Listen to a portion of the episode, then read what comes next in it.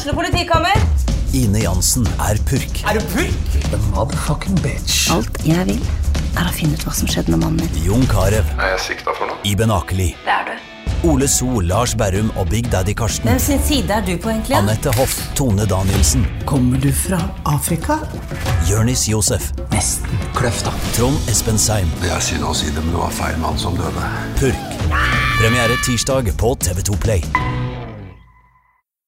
Romerike Sparebank, for deg og lokalmiljøet. På Olavsgård hotell er vi opptatt av å tilfredsstille krav og lagt vår sjel i å skape et hotell med atmosfære. Malerfirmaet Bergo Davidsen har 30 års erfaring og brenner for yrket. For oss er det fag, godt håndverk og fornøyde kunder som står i fokus. Kontakt oss for gratis befaring. Nedre Romerike Bygg setter alltid kundenes behov først og gjør så godt de kan for å innfri kundenes forventninger til enhver tid. Ta kontakt for en uforpliktende befaring.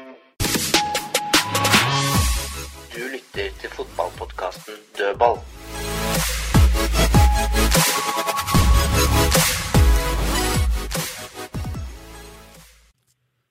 Ny mandag, og, eller mandag igjen, og ny episode av Dødball.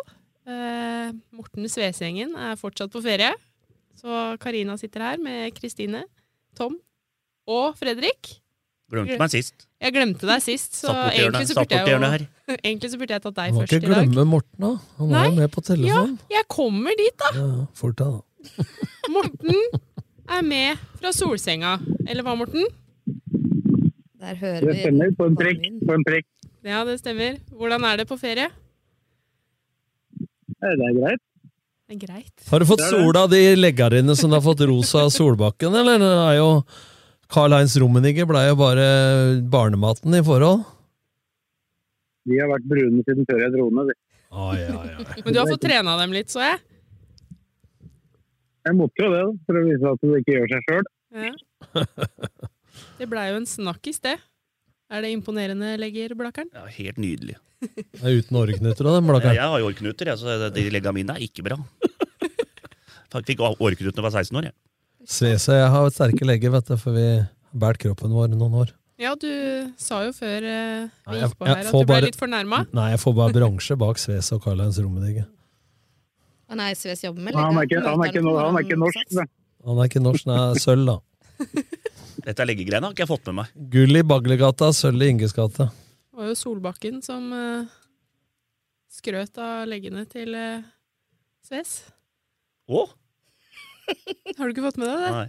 Blakeren har vært marinert på Fuser i helga, skjønner du. Ja. Det blei noen pinner i helga. Blei det. Ja. Men skal vi prate om fotball? Ja, vi kan jo prøve. det har jo ikke vært noe kamp eh, for LSK i helgen.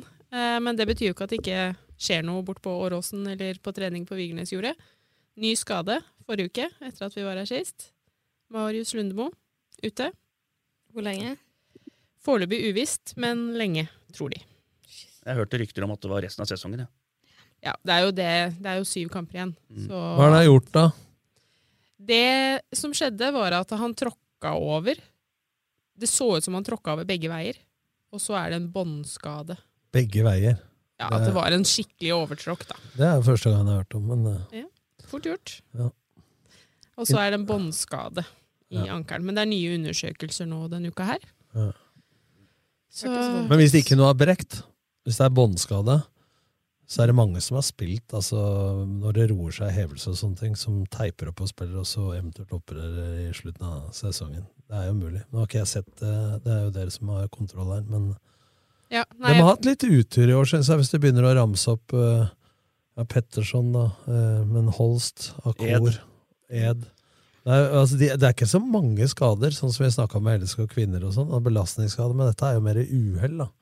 Ikke sant? Altså, du har eh, eh, kragebein eller bånd oppi der, du har eh, brekker ankelen på Holst, og så har du ja, Petterson er jo en strekk, da, men så har du Ed sin mystiske kneskade.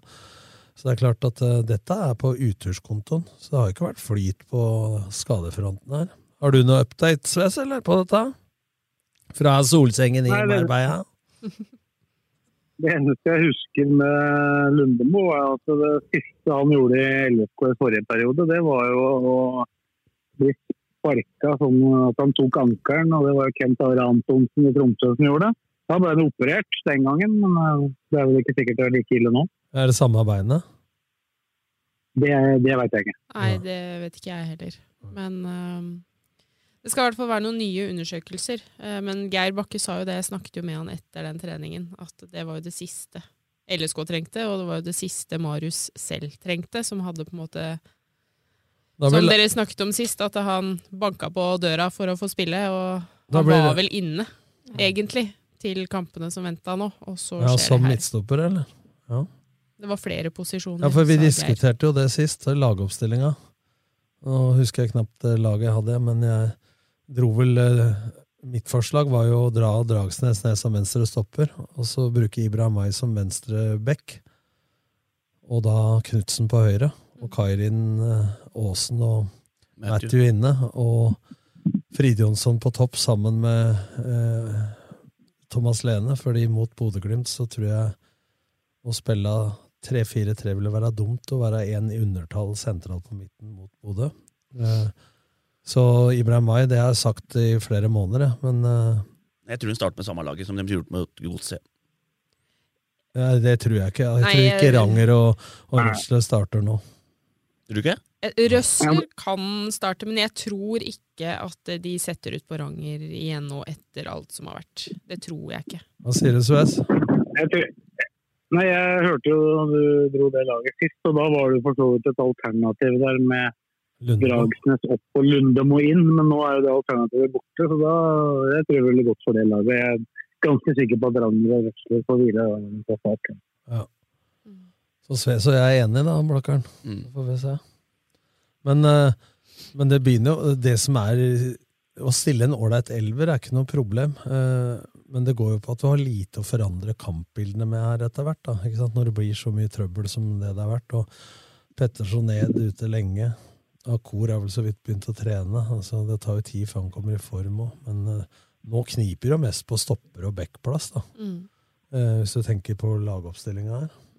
Og jeg tror at eh, det vil være en fordel psykisk jeg, for Røsler, og, og, og spesielt i en kamp hvor du kanskje forventer at Bodø-Glimt skal ha ballen mye. og sånn, og så Det er vel ikke den eh, kampen eh, folkens, som du bygger opp selvtilliten mest på i forhold til spill da, mot Bodø-Glimt, så jeg vil jo tro at mentalt sett er det lurt, som du sa sist, Blakkaren, som de hadde gjort med sånn, sånn, ja. i, i Tottenham.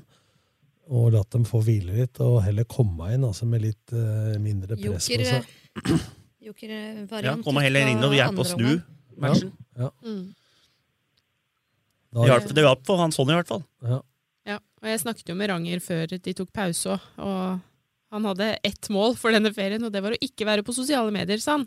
Ja. Så det er klart at det har jo prega han. Eh, sånn at eh, Ja. Men eh, jeg tror nok han får hvile nå. Jeg var jo en av de som dro inn Lundemo i en diskusjon her i lagoppstillingen for noen uker siden.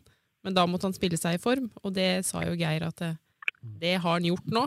Og så Jeg tror fort at han eh, Det er, som Morten nevnte her, altså alternativet til en lagavspilling av ISA, som hadde vært å ha Lundemo som stopper og Dragsnes på venstrebekk. Da, og da måtte du eventuelt ha satt ut Kairin eller Aasen eller.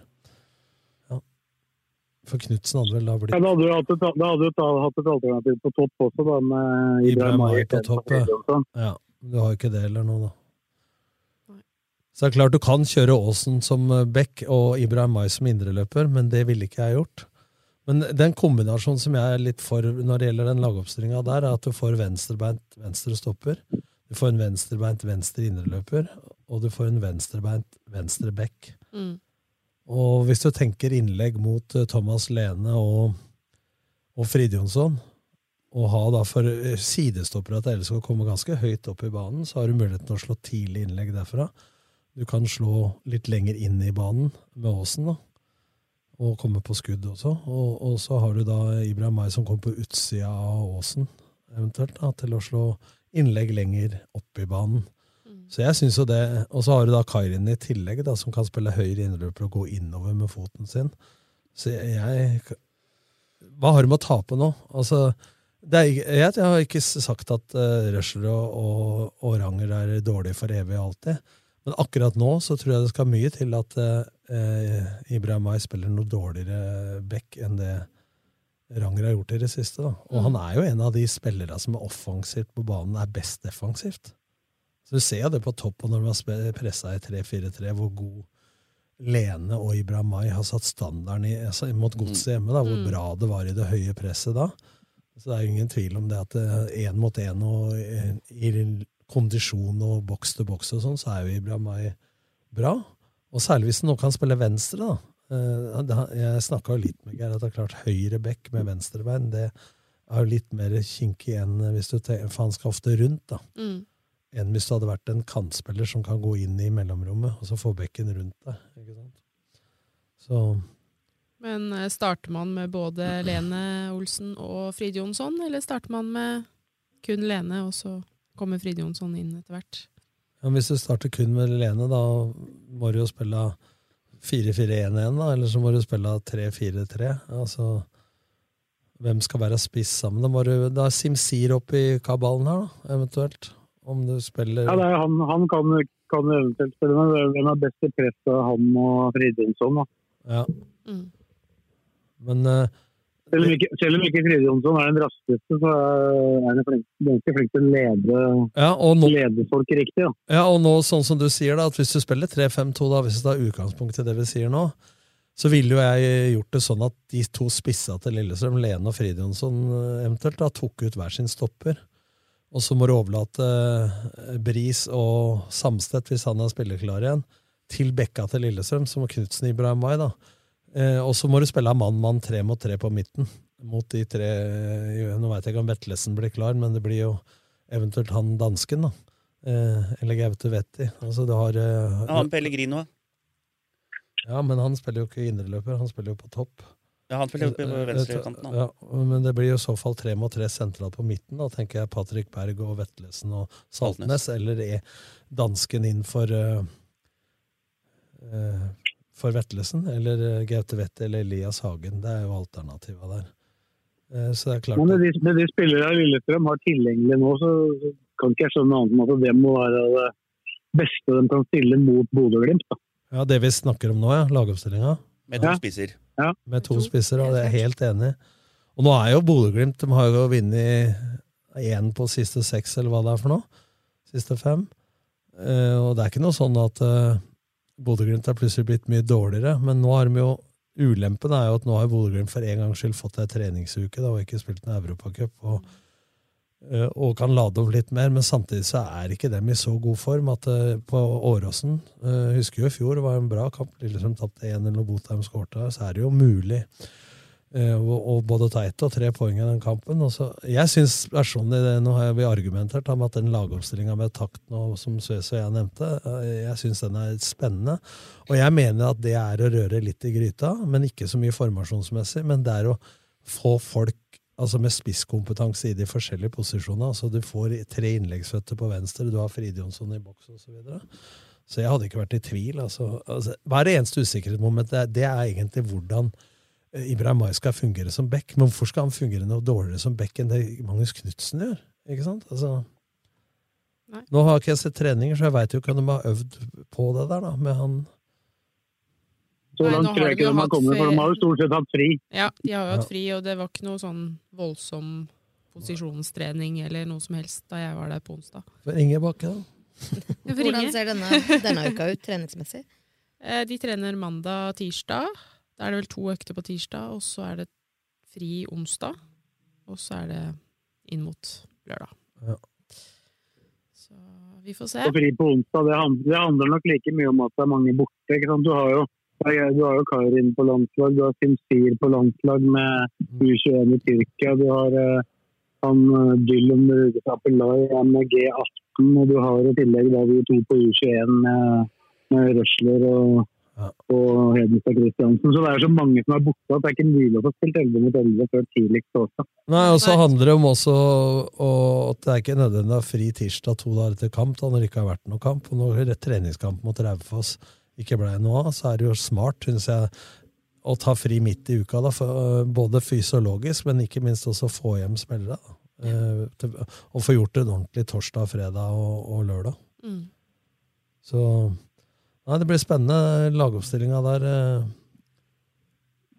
Men de må jo litt opp på hesten igjen nå. De må det. Skal man være med inn?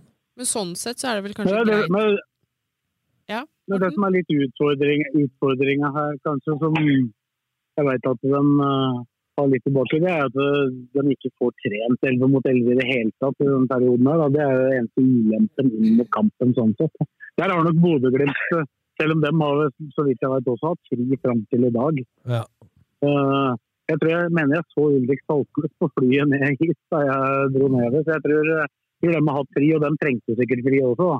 Men da kan jo de ha en hel treningsuke med kanskje 11 mot 11 nå. Selv om de også har noen på landslag, så er det, er det nok flere til stede der, og de har en større tropp.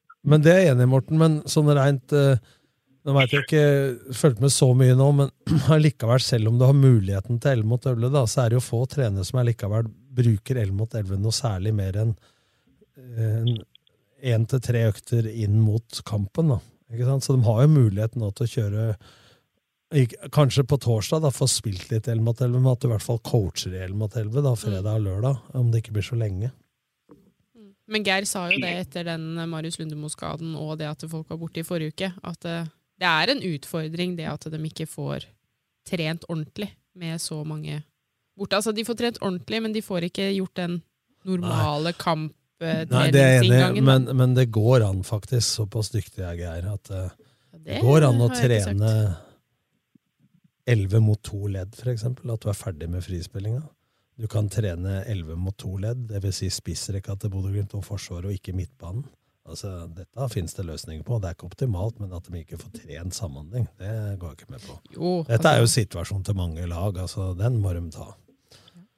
Det gjør de nok Ja. Så vidt jeg skjønte, så, så, vidt jeg skjønte, så var det 13 spillere der i dag, da. På trening i dag. Og da, da er det jo da er det jo litt begrensa hva du får gjort, men det er jo som Tom sier, det er jo fullt mulig å, å trene gode fysiske økter. i hvert fall.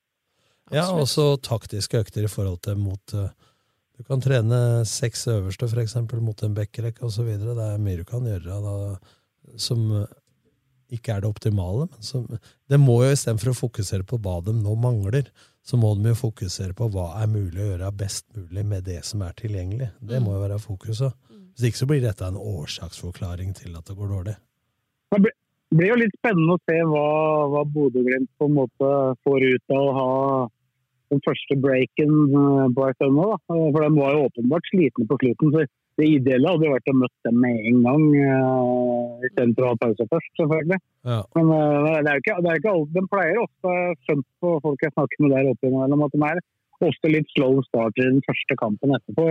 Hvis du leser, hvis du leser avisa, avisa Nordland, så er det kun Arsenal-kampen på torsdagen etter det snakkes om. Men det du sier der, er et poeng, faktisk. Altså, for hvis, det, hvis det, du har rytme på Bodø-Glimt nå, selv om de er slitne, som har vært, eh, vært søndag, torsdag, søndag, eh, så er det klart at eh, når det blir brytet opp, og du får litt fri, så er det mentalt bra og egentlig fysiologisk, men det så, som Morten nevner, er så å komme i gang igjen. eh, Det kan godt hende, at det, og på gress i tillegg, at det kan, kan ikke behøve være så stor ulempe som det vi snakker om, da, fordi de har hatt litt fri.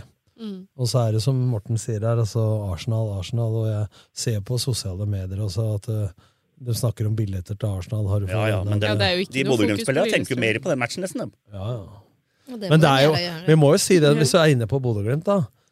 De skal passe nå, for nå har de brukt så uhorvelig mye penger, og det er fortjent, for det har de tjent sjøl pga. prestasjoner.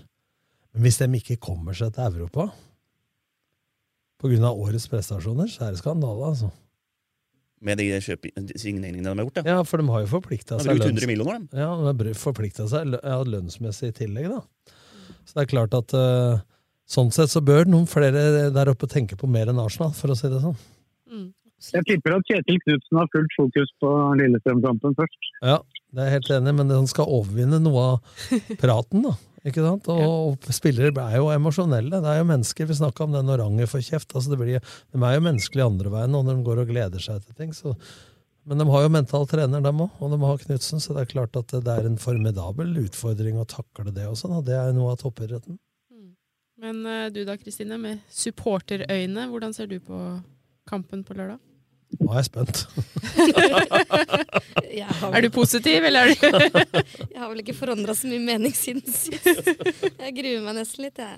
Men eh, nei da, jeg får håpe at eh, disse gutta fra nord eh, hviler såpass mye at de er litt sånn slow at vi kan ta kontroll på den kampen. For nå trenger vi en opptur igjen. Um, det jobbes jo i kulissene med å fylle opp stadion, men om det skjer, det, det gjenstår også å se. Jeg Men nå- tror egentlig ikke det. Men når du sier, eh, for å ta en overgang, da. Mm. eh, Når du sier eh, eh, 'jobbes med', Mm.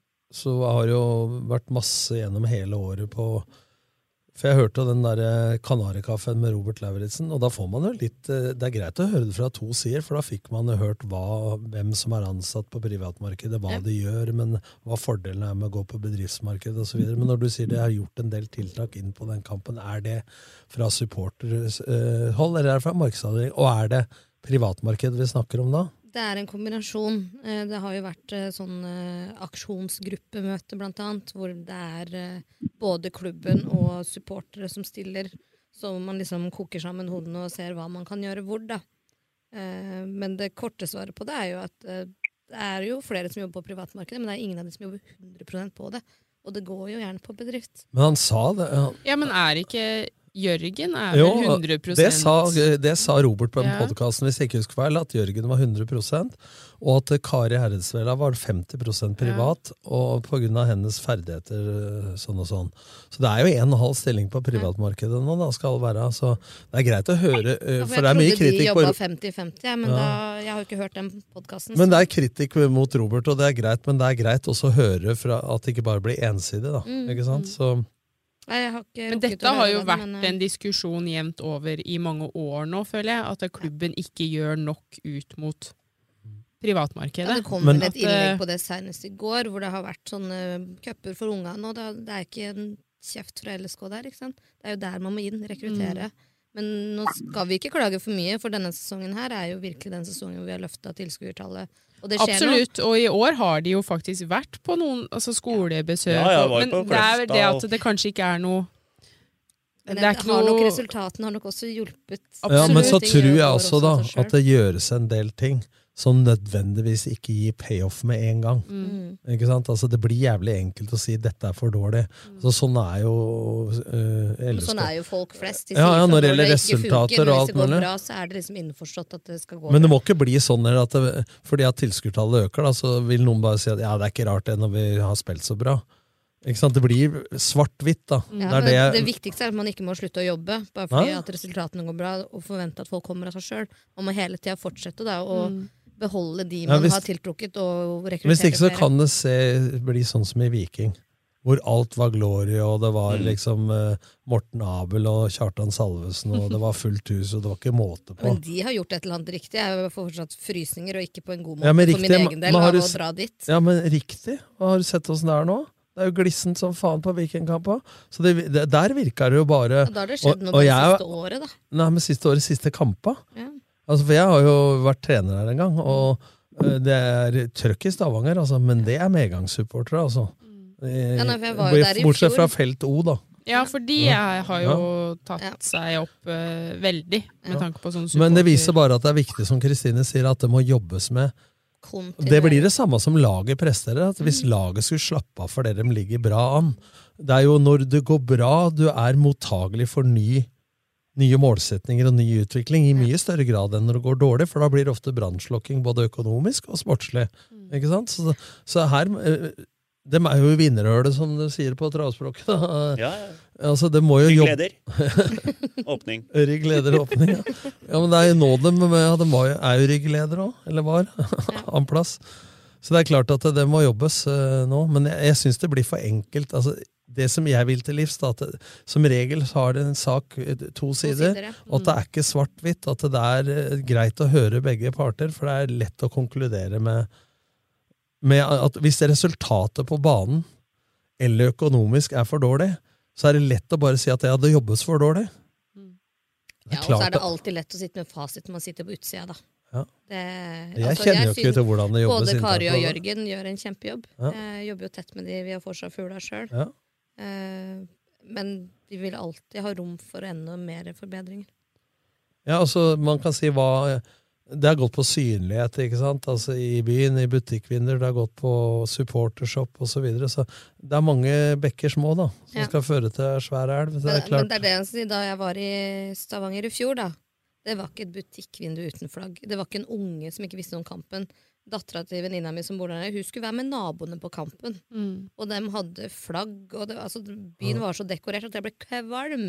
Og det var fra jeg landa. Til, altså, og hun bodde ute i Sandnes, til og med der var det synlig hvilket lag alle skulle holde med. da. Så der tenkte jeg fader, her eh, kanskje noen skal ta en studietur til eh, Viking og se hvordan de har gjort det. Men hva det. tenker man da? Så vi er jo enige om at klubben gjør mye bra. Men det er jo denne kritikken. Hva tenker vi at klubben kan gjøre da, for at eh, vi skal få, eller de skal få enda flere på kamp? Men får Og- først ansette meg i markedsavdelingen, så skal jeg fortelle det. Hvis du skal gi noen tips her i dødball, da, Tom? Nei, men det, det går på det vi sier. Altså, jeg tror de gjør mye bra, men man kan alltid bli bedre. Men det går på det Kristine sier, altså synlighet i bybildet. Men jeg tror noe av det de har gjort ganske bra i år, det er å være rundt Jeg veit at de var på jubileet til Kløfta, for eksempel. Eh, og greit, de skal ikke devaluere produktet, men å få delt ut noen billetter da, fylle RB-svingen osv. Det å rekruttere nye supportere tror jeg er en viktig del. Være synlig, få Altså, hvorfor skal halve Lørenskog der jeg bor?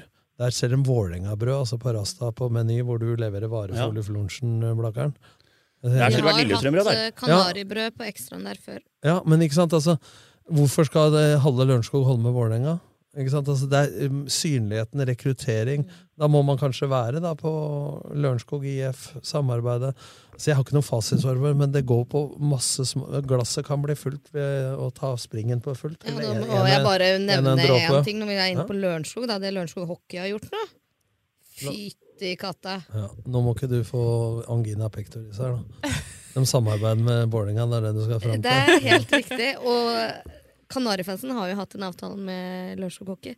Vi har jo vært med å fylle opp der mot Vålerenga. Tenk deg. Lillesund skulle samarbeide med Vålerenga. Da hadde du ligget i pennene oppe på Statsbarhagen. Jeg altså. hadde blitt stiv i løpet av et kvarter. Det hadde ikke gått. Jeg hadde vært ferdig. Supporterlivet over der og da.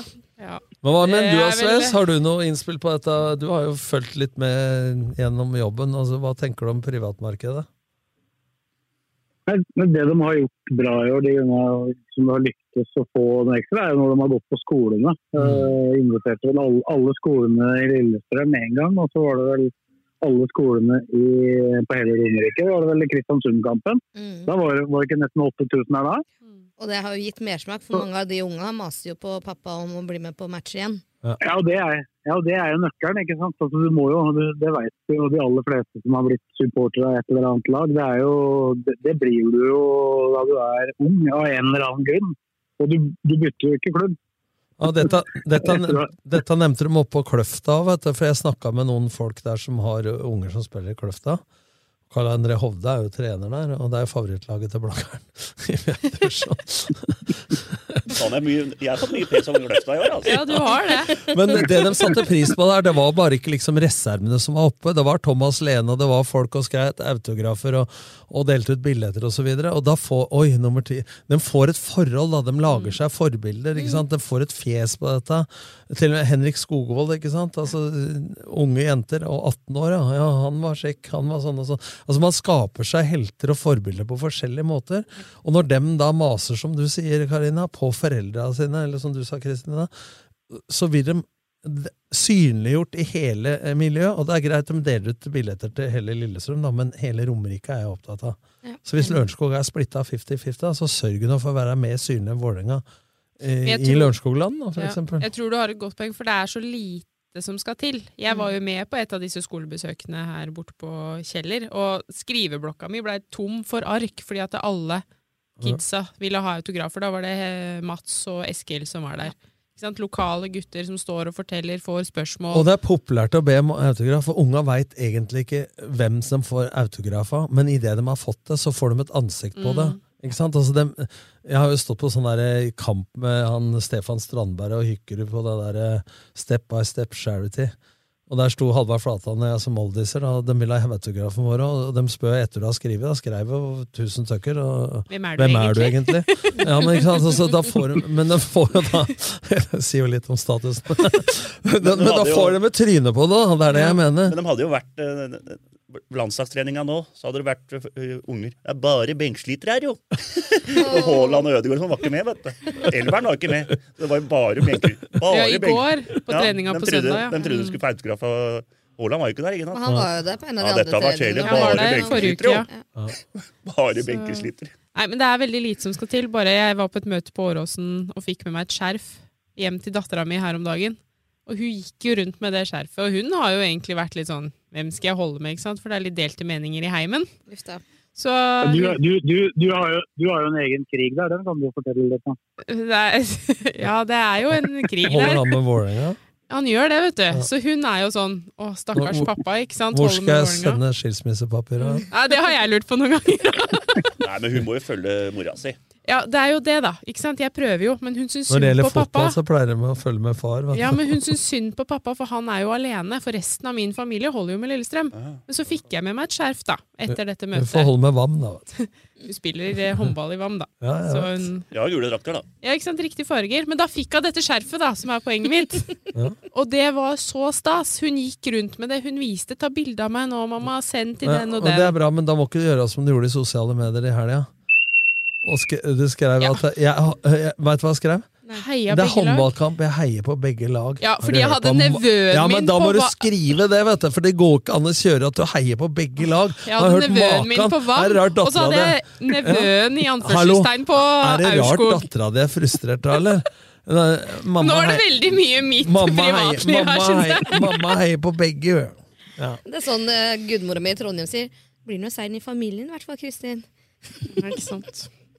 Nei, Ja. men eh, det Nei, men det blir men mye det folk, det i er små ting som skal til, da. Det er det jeg Men vil nå var det solgt 5100. Kommer 8000. Ja, litt over 5100 var det solgt i dag. Ja, men det har gått 1500 cirka da, på siste to Men det er lørdagsmatch. lørdagsmatch. Da, da taper du litt, vet du. Jeg tror nok vi er nærmere 8000 Det er ikke alle som er Møre 1600 på Nei, nei, lørdag. men det, det er jo Det er mye, andre, mye andre fotballmatcher. Ja, men nå har vi også heldigvis hatt bedre tid, da. For forrige lørdagsmatchen ble jo satt opp to uker før. Nå har folk visst om dette lenge og kan planlegge litt. Jeg møtte ei eh, på Sats på tirsdag på morgenen, som tydeligvis kjente meg igjen da, etter at jeg hadde gitt eh, disse blomstene til Tobias. Og hun eh, kunne fortelle meg det at nei, de skulle ikke til hytta den helga, fordi da skulle de på Åråsen. Ja, Så det er et eksempel til etterfølgelse. Det, sånt Men, liker jeg å men nå er det Bodø-Glimt et lag de kjemper om sølv med. Ja, Og det er, det er klart at en- Det skal være fullt hus. ja. Bør være det. Det Mm. blir ikke det. Tror jeg. Optimisten le- Ja. Du har ikke hørt den sangen med Jahn Teigen du, som de aldri spiller på Åråsen? Hva heter den igjen? Optimist. Ja, ja. Har ikke hørt den. Jeg har ikke skriket skrike meg hes i et cupfinaletelt i Ah, 05 teksten har- med jeg. Tekst, teksten har ikke festa seg helt. Nei, jeg synger den jo. Om jeg tror på det jeg synger, er noe helt annet. Det er ikke alltid man tenker over hva man synger, man bare synger. Men eh, ja, hva tenker du om eh, kampen, eh, Morten? Har du trua? Antall, antall tilskuere, eller ellers? Eh, Begge deler. Når det gjelder tilskuere, jeg, tipp, jeg tipper de kommer til å være tett opp mot ni. Hvis de gjør en god jobb inn mot, uh, inn mot helga. Det er jo det Bodø-Glimt, uh, det er toppkamp. Ja. Hvis du ikke klarer å selge det, da da får, da får, får hjelpe, får ikke hjelpe at det er lørdag. det er, Når det er, gjelder kamp- ja, men det er lørdag. Den er eh, hard, den for folk. Ja, de bør klare det. Bodø-Glimt har jo også trukket bra med tilskuere egne. De har ganske mange med tilhørighet Bodø som bor på Østlandet. Da. Så det har faktisk vært ganske mye Bodø-Glimt-tilskuere på, på kamper, det som jeg har sett. Ja, det ble, gå, bor flere bodøværinger på Østlandet enn det bor eh, lillestrømlinger i Bodø, for å si det sånn. Så, Det jeg på. det bør være mulig, å, som Morten sier her, å dra noen bortesupportere. Det er jo ikke så rart, kanskje, at det er flere her nede enn Nei, her oppe. det, det er lovelig. Jeg tror jeg så det at det var solgt et par hundre på det supporterfeltet til Bodø-Glimt eh, i går. eller noe sånt, Så, Ja. Så sånn sett så er det muligheter der. Kampen, da? Men det kampen, kampen den, eh, den ser jeg på som ganske åpen. Altså. Hvis, hvis ellers så stiller det laget vi snakka om litt tidligere, så jeg mener jeg de skal ha en god mulighet til å skape, kunne skape problemer for, eh, for Glimt. i hvert fall. For innlegg og de to spissa foran der, det er ikke det Bodø-Glimt liker best. da. Men, men én ting, Morten. Eh, når vi snakker om den lagoppstillinga. Når du nå har butta litt da, i høst, ikke sant? det er oppturer annenhver gang osv., så, videre, så kan jo det også Om det ikke er så formasjonsendring offensivt, ja, men ved å få inn noen få nye spennende Ibrahim Mai der, for det kan jo skape litt energi også. ikke sant? Altså, hvis du skal bare gå i det samme hamsterhjulet, og du har butta litt, evne til å være litt pragmatisk da, og så og gamble på det, da. eh, hva kan du tape på det? Altså, jeg tror det også kan skape litt mentalt energi oppi dette her. da. Får håpe det. For jeg tror ikke vi har noe annet valg. enn Nå må de høre på oss, Sves. Ja, nå... Det er ikke så mange alternativer de har, da. Nei, det er ikke så mange alternativer. Men uh, for å gi supporterne litt sånn positive nyheter også, da, så litt tilbake til skadesituasjonen, så kan man jo ta med at både Akor Adams og Fredrik Holst er jo i trening igjen. Altså Holst på tredemølla føler seg bra. Akor Adams har eh, lovet at hvis han får bestemme, så spiller han mot Molde. Det er kult. For å gi Er det neste runde igjen? Nå, Nei, to uker til. Men det Adams tror jeg kommer litt raskere tilbake Det er Viking borte, og så er det Ja. hjemme. Vent, da. Ja. Hva sa du, Sves? Du må har et visst håp om at han kan være tilgjengelig til eh, Om han ikke starter, at han også kan være med mot Molde, tror jeg. Ja, for han, jeg snakka med han på treninga før de eh, tok fri her, og han ser jo bra ut. Han løper, han er i dueller, men han sier jo det at eh, lagkameratene tar jo hensyn, så de går jo ikke like hardt inn i dueller som det motstanderne Nei, vil gjøre, men Han skal ha litt matchtrening også, så jeg tror nok han vil komme inn som innbytter til å begynne med. det vil han. Men, Men han har i hvert fall sagt at det, jeg Men det vil jo skal være en spiller da, som fordelen Lillestrøm hadde i våres med Fridjonsson og han, er at de kunne forandre kampbildet i forhold til hvem som var på banen. Den muligheten har de ikke hatt nå. Vi De har hatt den litt med Lene, da. Men, øh, men øh, du setter jo ikke Lene ut på kant eller øh, Fridjonsson, men det kan du til nød gjøre med, i 3-4-3 da, med Mm. Adams. Så ja. Nå er det, nå er det jo tidlig, tidlig i uka ennå, men uh, Pål André Helland trener jo også igjen. da. Ja, Så han kan jo også være også hele forrige uke. Men Fredrik Holst tror jeg ikke kommer til å spille nå i 2022. Med både. Holst og. Marius ute ut sesongen, i hvert fall. Ja, Mest sannsynlig. Holst sier jo at det hadde vært opp til han, så har han lyst til å spille. Men uh, som han sier, i dag føles det bra, i morgen kan det føles Men jeg tror ikke hun du skal skrive allerede nå, eller fastslå at Lundem er ute resten av sesongen. Det kommer an på hva slags båndskade. Altså, det er Ja, ja. er Og det er nye undersøkelser denne uka her, som nevnt innledningsvis. Sånn at uh, Men er man pessimist, da, så kan man bli positivt overraska, ikke sant? Ikke sant. Nå er Tom oppgitt igjen, så nå tror jeg kanskje vi skal gå videre her. Er vi? Skal vi si oss ferdig med gutta da, eller eh, Tom Åsen? Ja, skal vi gå, jeg og Blakkeren? Ja, Ferdig med gutta? ferdig med gutta. Kan vi sitte her og styre, vi? Du skal over på LSK Kvinner, skjønner jeg? Ja, tenkte det, da. Ja. Kjør. Eh, Kjør. Jeg har jo lyst til å begynne med det Kan vente med kampen, jeg, for nå er det jo endelig litt åpenhet uh, i denne klubben. Ja. Styreleder uh, var jo ute i går og prata, og sa jo at de ikke hadde vært gode nok på at det skulle være et eh, bra sted å være, og sa vel ganske rett ut at de har svikta. eh, På personalbehandling, det var det ene. På personalbehandling. Eh, Og På indirekte da sier han jo også at de har jo svikta disse to spillerne som Spillelogistikk. nevnte spillerlogistikk. Og Men det er et lerret å bleke på spillelogistikk. Det er klart at uh, Før så ville alle til LSK, og LSK hadde de største økonomiske ressursene. Det har de ikke lenger. Nei. Da må de begynne å bli flinke da, på det som mange klubber på herresida har vært flinke på. Uh, å hente talenter, ikke sant? Og skape, utvikle spillere sjøl. Hvis du ser klubber da som Bodø-Glimt, når de var på vei opp, hvordan de henta spillere, Laioni fra Elverum osv. Altså, det er jo der LSK kvinner nå, i egenrekruttering og spillelogistikk utenfra, når de ikke kan Istedenfor å sutre, da, eh, har jeg ikke sagt om gjør det, men istedenfor eventuelt sutre på at de ikke har de økonomiske ressursene, så er det to ting å gjøre. Det ene er at noen jobber med å bedre de økonomiske ressursene. Så må de andre bruke de penga de har, ikke sant? Og, og være best på det som er gratis. Og det tror jeg ikke de er heller, altså når det gjelder treningskultur og vinnerkultur. For det derre uttrykket som alle prater om, at vinnerkultur sitter i vegga Jeg har ennå ikke sett noen vegger det sitter i. Det er humankapitalen. Det er de menneskene som til enhver tid er i en klubb, som er kulturen. Hvis ikke klubben er så godt bygd opp at når folk forsvinner, så veit de hva de skal hente inn. Til tydelig rolle både på og utafor banen. Når det ikke fins, så er det den der kulturen som sitter i vegga, den forsvinner med de folka som har båret kulturen.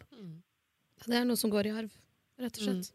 Og så er det Jeg må holde kjeft da hvis jeg blir styreleder snart. Ja, men da hadde du kanskje fått litt orden. Nei, men altså, det er jo bra at han går ut nå, da, øynene, og så, og så han er, Det er mange måter å legge seg flat på. Noen legger seg ofte flate på øh, når de har sagt noe, sier de 'jeg beklager, Karina, at du føler det sånn'. Mm. Da har jeg ikke lagt meg flat. Jeg beklager at vi har gjort det. Mm. Som har følt at dere ja, tar, Mm. tar ansvar for at Ja. dem har vært for dårlig, istedenfor å si at 'jeg beklager at spillerne føler det sånn', Mm. sånn som det var litt å begynne med. Ja, Sves?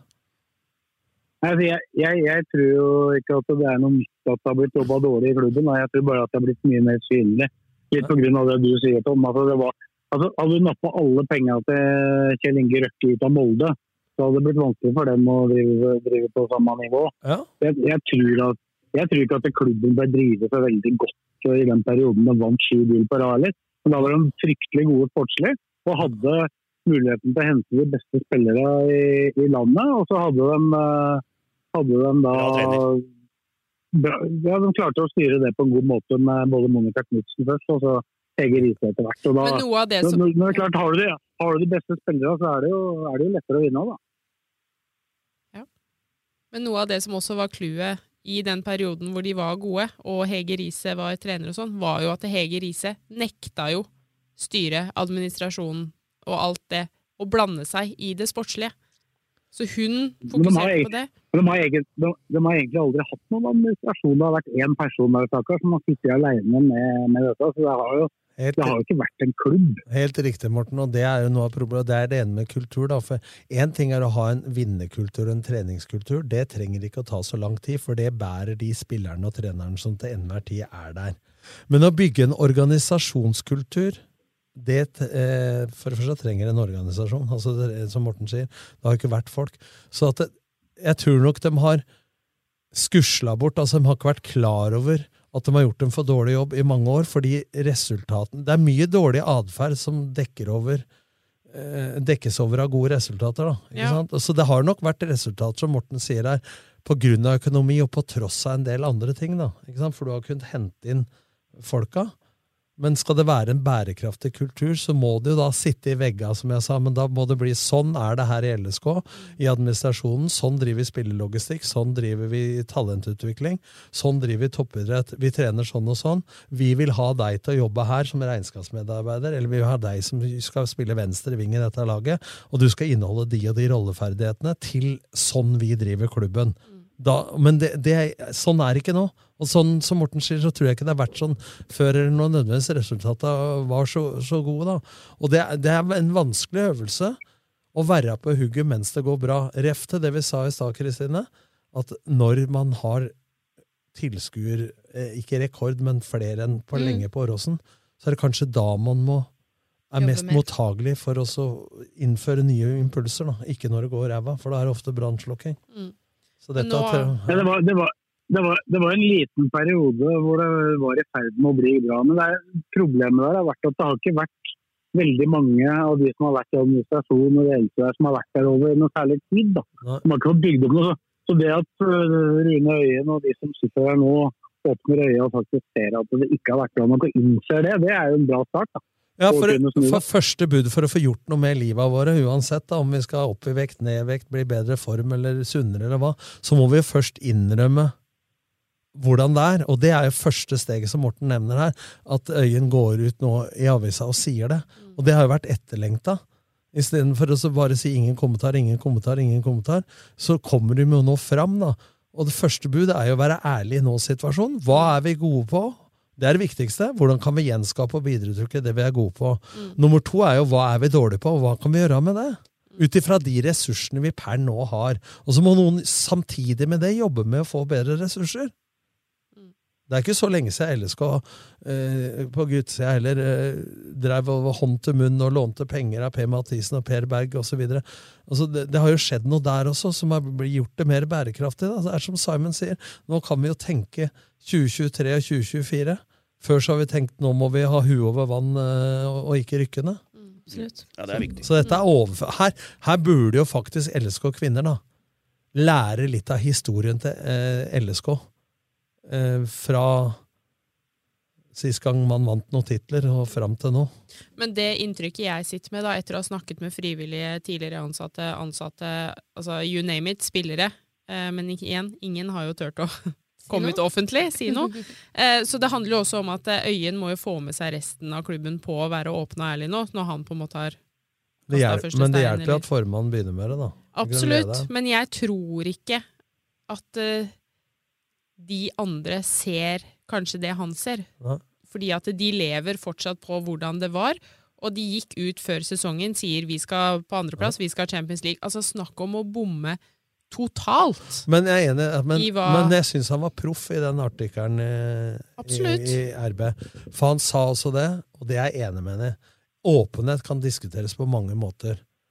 Men at de ikke er åpne om bakgrunnen for personalsaker, det syns jeg er helt riktig. Ja, det Men hvis du sier ut. ingen kommentar uansett, så blir det så mye spekulasjoner. Ref når Magne Storedal, som var redaktør i RB, som alle liker i Avisa Oslo, men resultatene har vært for dårlige. Så hørte jeg en podkast her på Tut og Mediekjør med Svein Tore Bergestuen og Eva Sandum, som hadde eh, en eller annen sjef i A-media. Hvor alle likte den. Men fordi at de holdt tilbake masse opplysninger, så blei det opprør i A-media. Hvorfor skal Magne slutte, som alle liker? Eh, Du må gå ut med det som du kan gå ut med, uten at det går på personen. ikke sant? For å drepe alle spekulasjoner. Og dette krever egentlig medieavdelinger og kommunikasjonsrådgivere til å gjøre. Og da kan det ikke sitte folk som bare leser eh, lokalavisa, som skal uttale seg. Og det er noe av profesjonaliteten, det, at du må ha kommunikatører som holder på med det. Mm. At ikke Gud og hvermann kan uttale seg. Og når de ikke har det, da, så sier de ingen kommentar, så blir det enda verre. Så det Ja, klart og det de har jo bomma ja. der, for de har jo ikke snakka. Det har, og det har ført til at frivillige har trukket seg. Det er folk som ikke har lyst til å være frivillige i den klubben der lenger, av måten de da har behandla spillere på, eller uansett. Fordi de har kanskje hørt den historien, og så har de Ja, hørt den historien, hvor, og så tar de Men hvorfor får sånne til, ting lov til å vokse? Det er nettopp mangel på ledelse, mangel på, øh, på åpenhet og mangel på kultur og struktur. Ikke sant? Og da blir det sånn. For Hvis det hadde vært tydelig hva klubben står for, hvordan de skal drive, så er det ikke så lett å kritisere heller. Ikke sant? For da er det tydelig hvordan man Hvor mange er som kritiserer eh, spillelogisk Det er jo noen, da, Kristine. Men spillelogistikken til Simon nå, i forhold til at eh, de går ut og sier ja, vi har bedre ressurser, sånn, sånn, men vi jobber sånn og sånn. Og vi tenker, kan vi tenke både 2022 og 2023, så gjør vi det som et eksempel. da. Mm. For nå er de i posisjon til det, men da må noen jobbe for at man skal komme i posisjon. Men akkurat nå så er det jo anarki og komplett kaos sett utenfra i LSK Kvinner. Og at Øyen går ut nå og sier dette har vært for dårlig, dette har vært for dårlig, det er første innrømmelse til å komme noe sted. Og så blir neste hva gjør vi med det? Og da må man ha med seg folk, som du sier, Karina. Og der er jeg litt usikker på Men dette er ikke så vanskelig, altså. Hvis du har folk som er litt kompetente. Dette er Ja, men ikke har så de det, da? Nei, men da må du skaffe seg det, da. ja, Ja. Men jeg tror ikke de har det. Nei, men- Derfor uh, spør jeg. Jeg Det ikke steg det. én, da. Innrømme feil. Ja, så de er et steg Men det på veien. heter noe å rekruttere. Altså Hvis du ser på styret i LSK nå det, har vel, det kan Morten sikkert si noe om, men altså, sett utenfra så virker det som at styret og sportslig utvalg, alt som er, er satt sammen mer fornuftig nå i LSK enn det har vært før. Og det, det er klart det var Bjarne Sognes gjorde en kjempejobb, Elin Krokan, fotballfaglige folk, men nå er jo tross alt støtteapparatet rundt LSK 15-16-17 mann. Og Da må jo de sportslige beslutninger tas der, og så har de jevnlige møter med Simon og Kokkim osv. Så, så, så, jeg vet ikke om Morten du kan eh, bidra her, men sett utenfra Jeg har litt på innsida, men mest på utsida. Så syns jeg det er sammensatt også utafor banen på en mer fornuftig Altså den er mer, Styret og, og sportslig apparat har mer relasjonelle ferdigheter nå enn før. Det er ikke sånn at dere driver med det. Skjønner du? Altså, Dette har jo blitt gra gradvis bedre siden 2017. Eh, Det jo litt sånn sammenfall med at eh, Morten Kokkin tok over. og det nye styret, Jeg skrev det i 2019, jeg, før nedrykket. at jeg, jeg mente at det var det best, best sammensatte styret Lillestrøm hadde hatt noensinne. Og jeg skrev det etter at de hadde rykka ned. At du kan ikke finne på å kaste de folka her nå. For eh, det er faktisk mye som har begynt å skje, men det har bare ikke begynt å virke ennå. Og at det ville være direkte ødeleggende å fjerne det. Men, eh, jeg, fikk, jeg visste jo selvfølgelig at jeg ikke ble noen helt når jeg skrev den Ja, men- eh, på 12. Des 13. desember i, i 2019, men, men samtidig så var, mente jeg det. Så jeg, jeg tror eh, vi kan si at det ikke var helt feil, i hvert fall ut fra hva som har skjedd etterpå. Ja, For det- det ble ikke så veldig mange som ble fjerna. Nei, men det kan jo være sånn også når vi sitter og kritiserer privatmarkedet, at det faktisk jobbes bedre enn på lenge, men at det ikke gir payoff med en gang. Men hvorfor skal LSK Nå prater vi om sammenslåing, glem den debatten akkurat nå, for det tror jeg er månelanding. Men eh, det er min mening. Men poenget, da. Du trenger jo ikke å løpe til andre enden av landet. Når kunnskapen på hvordan man har opplevd opptur i LSK i en tradisjonell klubb, og nedrykk i 2019 Hva skjedde i 2017, som Morten sier? Eh, Hva har skjedd? Hvordan har vi kommet opp på hesten igjen? Hvordan har vi bygd kultur? Hvordan har vi fått til dette med Tony Ordinas osv.? Alt øh, krevde jo altså, Man hadde jo ikke penga når de begynte å gjøre det riktig. Det, det går jo an å gjøre riktige ting som ikke koster så mye òg. Mm. Og her må jo LSK og kvinner begynne å ta tak. Men de trenger ikke å løpe 100 mil for å finne en del gode råd når de finnes tre skritt unna. De er ikke åpne for det, for de Nei, skal gjøre det på sin måte. Men da har de ikke det Det funker ikke. Nei, men da har de ikke rette folka, da, hvis de ikke er åpne Hvis man gjør det samme om og om igjen og ikke funker, er ikke det definisjonen på idioti? liksom? Er det ikke på tide De har da levd så lenge på resultatene, som du sa i stad, at da har på en måte alt det rotet og kaoset rundt har ikke blitt lagt merke til, fordi at de har vunnet. De har tatt gull på gull på gull kan på det være bra, da, oppi all elendighet, at det ikke er så gærent at det er godt for noe? For hvis de greier nå å snu på steina, som LSK gjorde fra 2017, men spesielt etter nedrykket, så er det jo mulig. Ja. Men da hadde LSK, som Morten sier, Kokkim og de rette folka. da. Nå, jeg kjenner ikke om det er de rette folka eller ikke, for jeg vet knapt hvem som sitter der. Men eh, det er hvert fall, eh, det viser seg ikke. Men da må de jo ta tak der. Mm.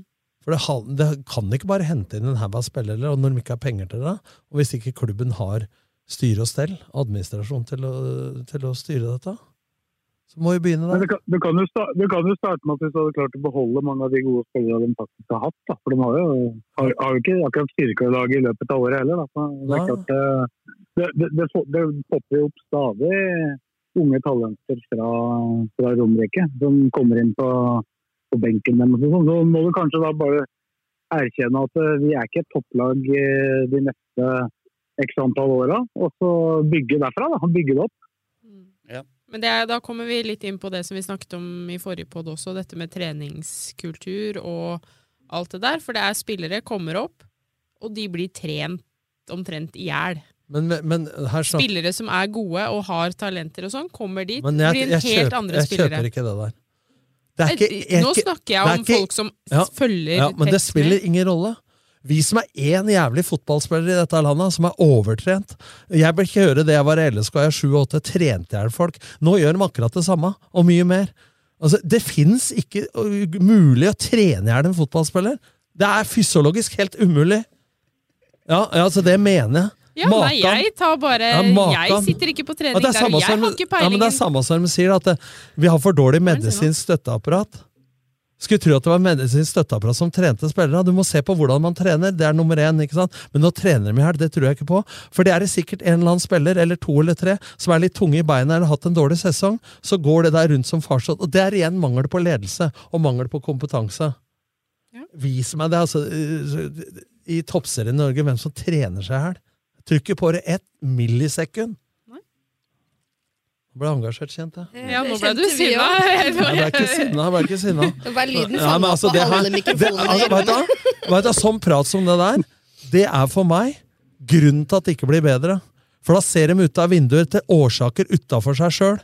Hver enkelt må kjøpe seg et sminkepeil, og ikke til å gre håret med, men å se seg sjøl og spørre hva kan jeg gjøre med dette? Fra formann til den som vasker klærne, til spillere. Ja. Jeg er enig med deg. Ja. Jeg sier bare ting som Ja, men Jeg er jo ikke irritert på deg, men altså Det er sånn, meg du sitter og Ja, men- skyter Jo, jo, ut av rommet her!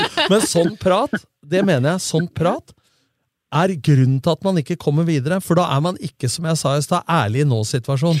For da er det medisinsk apparat som er skylda. Treneren trener for hardt, for dårlig, for mye taktikk, for lite taktikk, for korte treninger, for lange treninger. Ja, da, da legger vi den død. Reality-sjekk, altså. Det mener jeg. den død. Ja, men du må begynne kamp vi skal snakke om? Ja, men du må, du, du, du må begynne et sted. Det er poenget mitt. Og hvis det hele tida fra uke til uke skal bare dreie seg om resultatet i siste kamp, og for å avslutte tiraden da Kanskje det er bra at det har gått litt til helvete. For da kanskje man innser en realitetssjekk om hvor dette er, og hvor man skal. Mm. Og så må man begynne der. Jeg er drittlei av årsaksforklaringer og unnskyldninger. Du får som fortjent over tid. Den spilte 2-2 i går, da. Punktum. Det er 2-2 der. 2-2, ja. Så de eh, og- Dette og de- fint, da. Og de rykker ikke ned. Nei? Nei, de rykker ikke ned. Ja, men nå har de jo mulighet da, Morten, til resten av sesongen her til også, både sportslig og administrativt å begynne å gjøre noe. Eller skal vi Nei, vi må slappe av litt, vente til januar. Jeg sier ikke at de sier det, men Nei, mange- starte nå. Ja. Ja, altså, de må, Arbeidet starter nå, det. De må starte nå, eh, men det er klart at de snakket jo om at når de først kom i dette nedrykkssluttspillet, så kunne de i hvert fall bruke det på å spille på seg selvtillit. Ja, det gikk jo fint. Det har vel ikke akkurat gått veldig bra. De, de, ja, første kampen gikk bra, og de to neste kampene har det vel Ja, ikke men spilt på er ikke lett, da. Men selvtillit får du av å prestere. Ja. Ikke sant? Så, Ikke apparatet. Ja, jeg er helt enig i at jobben må starte, Starte nå. nå. Men det handler jo også om at eh, spillere har jo ikke lyst til å være der. Så jeg er jo veldig spent på hvor mange spillere har de igjen. Ja, men, ja, men spillere har ikke lyst til å være der. Hvis styre og stell gjør nå en god jobb og legger forhold til rette, så er det klart at det, LSK kvinner vil være en attraktiv klubb i framtida. Hvis det er i orden rundt. Skrudde du forresten ned lyden litt når jeg snakka i stad? Nei, jeg glemte det. Så jeg beklager til alle såre ører der ute. Jeg var for treig. Men dette, det er nå, hvorfor ble jeg så engasjert? For dette er, det er ikke bare LSK kvinner, men det, det er liksom i miljøer hvor man går i hamsterhjulet og bare tror at man lever på gamle ting, så blir jeg engasjert på fotballens vegne. Ikke nødvendigvis bare LSK kvinner, men det er så gjennomsyra med de unnskyldningene. Men, hvor, Fysioen er for dårlig. Ja, det var derfor vi tapte kamper. Ja. Flott. men hvorfor får ikke LSK kvinner til det som Brann og Rosenborg får til? Ja, det handler også om resultater, men her snakker vi fulle stadioner, det er supportere. det er Kanarifansen er jo ikke lenger i LSK-hallen. Det er ingen som bryr seg om LSK kvinner nei, lenger. Men det, se da på Sandviken, som nå heter Brann. Hva er det dem var for tre-fire år siden? Tapte mot Arna Bjørnar og så videre. Ringte, hva heter det, Morten? Hun, lederen der som har vært med 100 år i forbundet. Hjelp meg. Hvem tenker du på? Nei, hun lederen i Sandviken. Vært i forbundet og alt. Jeg husker ikke hva det heter. Jeg jeg hvem du tenker på. Ja, men eh, ikke sant? Ring til henne og spør hva de har gjort. Spør Simon Mesfin åssen de har takla dette. Mm. Kompetansen fins. For å si det sånn, Jeg tror Simon Mesfin har eh, gitt eh, mye råd og tips uh, inn i den klubben der, som uh, Ja. går inn det ene Men det du sier andre. mellom linjene, er at uh, bytt ut folka. Det er det du sier, da. Hvis du, du, skal jo nevnes da, når vi snakker om at Kanarifansen ikke er der. De som var engasjerte fra Kanarifansen, følte seg vel også pressa ut. Det er derfor det ikke er det. Ikke sant. Ja. Men uansett er det en kjempestart at det faktisk er en styreleder som sier at det ikke har vært godt nok. Da, for det er et utgangspunkt for å i hvert fall begynne å røske tak i det. Ja, da er det kanskje han en av dem du må ta vare på, da. Og så får de rydde rundt den. Ja, og det var jo mitt inntrykk da alt det bråket her var også. Så tenkte jeg at han har jo virket som en person som har kanskje sagt det han mener, og ikke gjemt seg bak og vært redd for å si noe. Men når dette bråket kom, så var det sånn nei, alt er fint, og nei, sånn er det. Og ikke sant, det har ikke vært noe. Munnkurv på alt. og- Ja, altså alle har vært redde for å si noe. Eh, men nå har det kanskje gått såpass lang tid da, at han føler at det nå er det i ferd, altså den klubben er i ferd med å på en måte bli ødelagt. Så nå tør han kanskje ikke å vente lenger, Nei, og da tenker jeg at det er bra. Hvis du da sliter, så ringer du noen som har greie på det. Altså, kommunikasjonsrådgiver eller Det Ja. sitter jo folk Ring Tom. Eh, Nei, men det sitter jo folk eh, på andre sida av jernbanelinja som har en media- og kommunikasjonsavdeling. Ikke sant? Altså, hvis du greier å se på andres menneskers kunnskap som en ressurs, og ikke en trussel, og ikke være så jævla trassig Så jeg syns jeg støtter Morten. Ja. Ta nå vare på den formannen nå, da, som, først, som innrømmer dette. Ja, det er jeg helt og enig i, og det har jeg tenkt rundt. hele tiden. Ja. Men det at han heller ikke turte å si noe da dette bråket var i sommer, det gjorde at man ble skeptisk til ok, skal, styre, skal man bare beskytte hverandre hele tiden, så kommer man jo ingen vei. Men at han nå da faktisk går ut og sier det han sa i går, det syns jeg Hyll, hyll, altså. Det, Så lenge har vi aldri prata om mennesker og kvinner. Nå har vi spilt en kamp òg, Blakkaren. ja. 2-2. Så du kampen? Nei. Nei. Jeg fikk med meg eh, lite grann. Eh, Jeg så litt på den. Så det var eh, to fine mål av hun Svenske. Leda de 2-1. De leda 2-1. Så ble det 2-2. Straffe? Leda 2-1 til pause. Ja, de leda 2-1 til pause, men det var Kolbotn som tok ledelsen på straffe. Så Nei, altså, Kolbotn er ikke det letteste laget å spille mot, men Men, men det vi snakker om nå, er faktisk ikke det viktigste. Det vi har snakka om, er, er det, det viktigste, viktigste. for LSK. Ja, de må bare holde seg i toppserien. Så 2-2 i nedrykksspillet mot Kolbotn. Ett poeng. Punktum. Ja. Ferdig snakka. Fotballpodkasten Dødball er straks tilbake. Romerike Sparebank, for deg og lokalmiljøet. På Olavsgård hotell er vi opptatt av å tilfredsstille krav og lagt vår sjel i å skape et hotell med atmosfære. Malerfirmaet Bergo Davidsen har 30 års erfaring og brenner for yrket. For oss er det fag, godt håndverk og fornøyde kunder som står i fokus. Kontakt oss for gratis befaring. Nedre Romerike Bygg setter alltid kundenes behov først og gjør så godt de kan for å innfri kundenes forventninger til enhver tid. Ta kontakt for en uforpliktende befaring.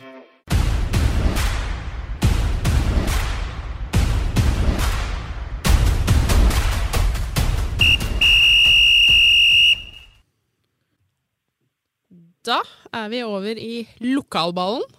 Eller hva, Blakkeren? Jo, jo. Litt uh, mørk uh, Ja, der har jo, vi har jo, elg. har jo bomma noe fryktelig der, på dette tipsa mine, i hvert fall. Lørenskog bare, bare blir dårligere og dårligere. Og så. Gjelleråsen, da. Tapte dem 10-2 nå. Skal vi ta andredivisjon først? Skal andre starte andredivisjon andre divisjon divisjon, først? Det har ikke vært noen lysere resultater der, hvis vi begynner på Strømmen, da. Ja, tapte 3-1 mot Moss. Det er- lå kanskje litt i korta, men eh, Strømmen er som vi har snakka om før. Det er, eh, kan slå topplaga, og så kan de tape mot båndlaga. Helt bingo. Så det er Hold Holder unna spill på Tormund. Men det var litt eh, tragikomisk, da. Altså, når han eh, daglig lederen i Skeid, Daniel eh, et eller annet Strand, la ut eh, på Twitter, for han- han hadde jo sittet på TV på Direktesport og tatt eh, eh, ikke screenshot, men video Ja. av skjermen. Og der står Casey og tillater seg dommeren til å stå på TV-tribunen og skriker ord som ikke vi skal gjenta her. Det er bare å gå inn på Twitter, folkens. Så på Daniel eh, Holmestrand, eller hva Ja, det heter. noe. Og det er klart at eh, hvis det blir rapportert, så blir det straff. Altså, for det var jo ting, i, i typisk Casey On, som er engasjert, for å si det sånn. Det var vel verre enn det.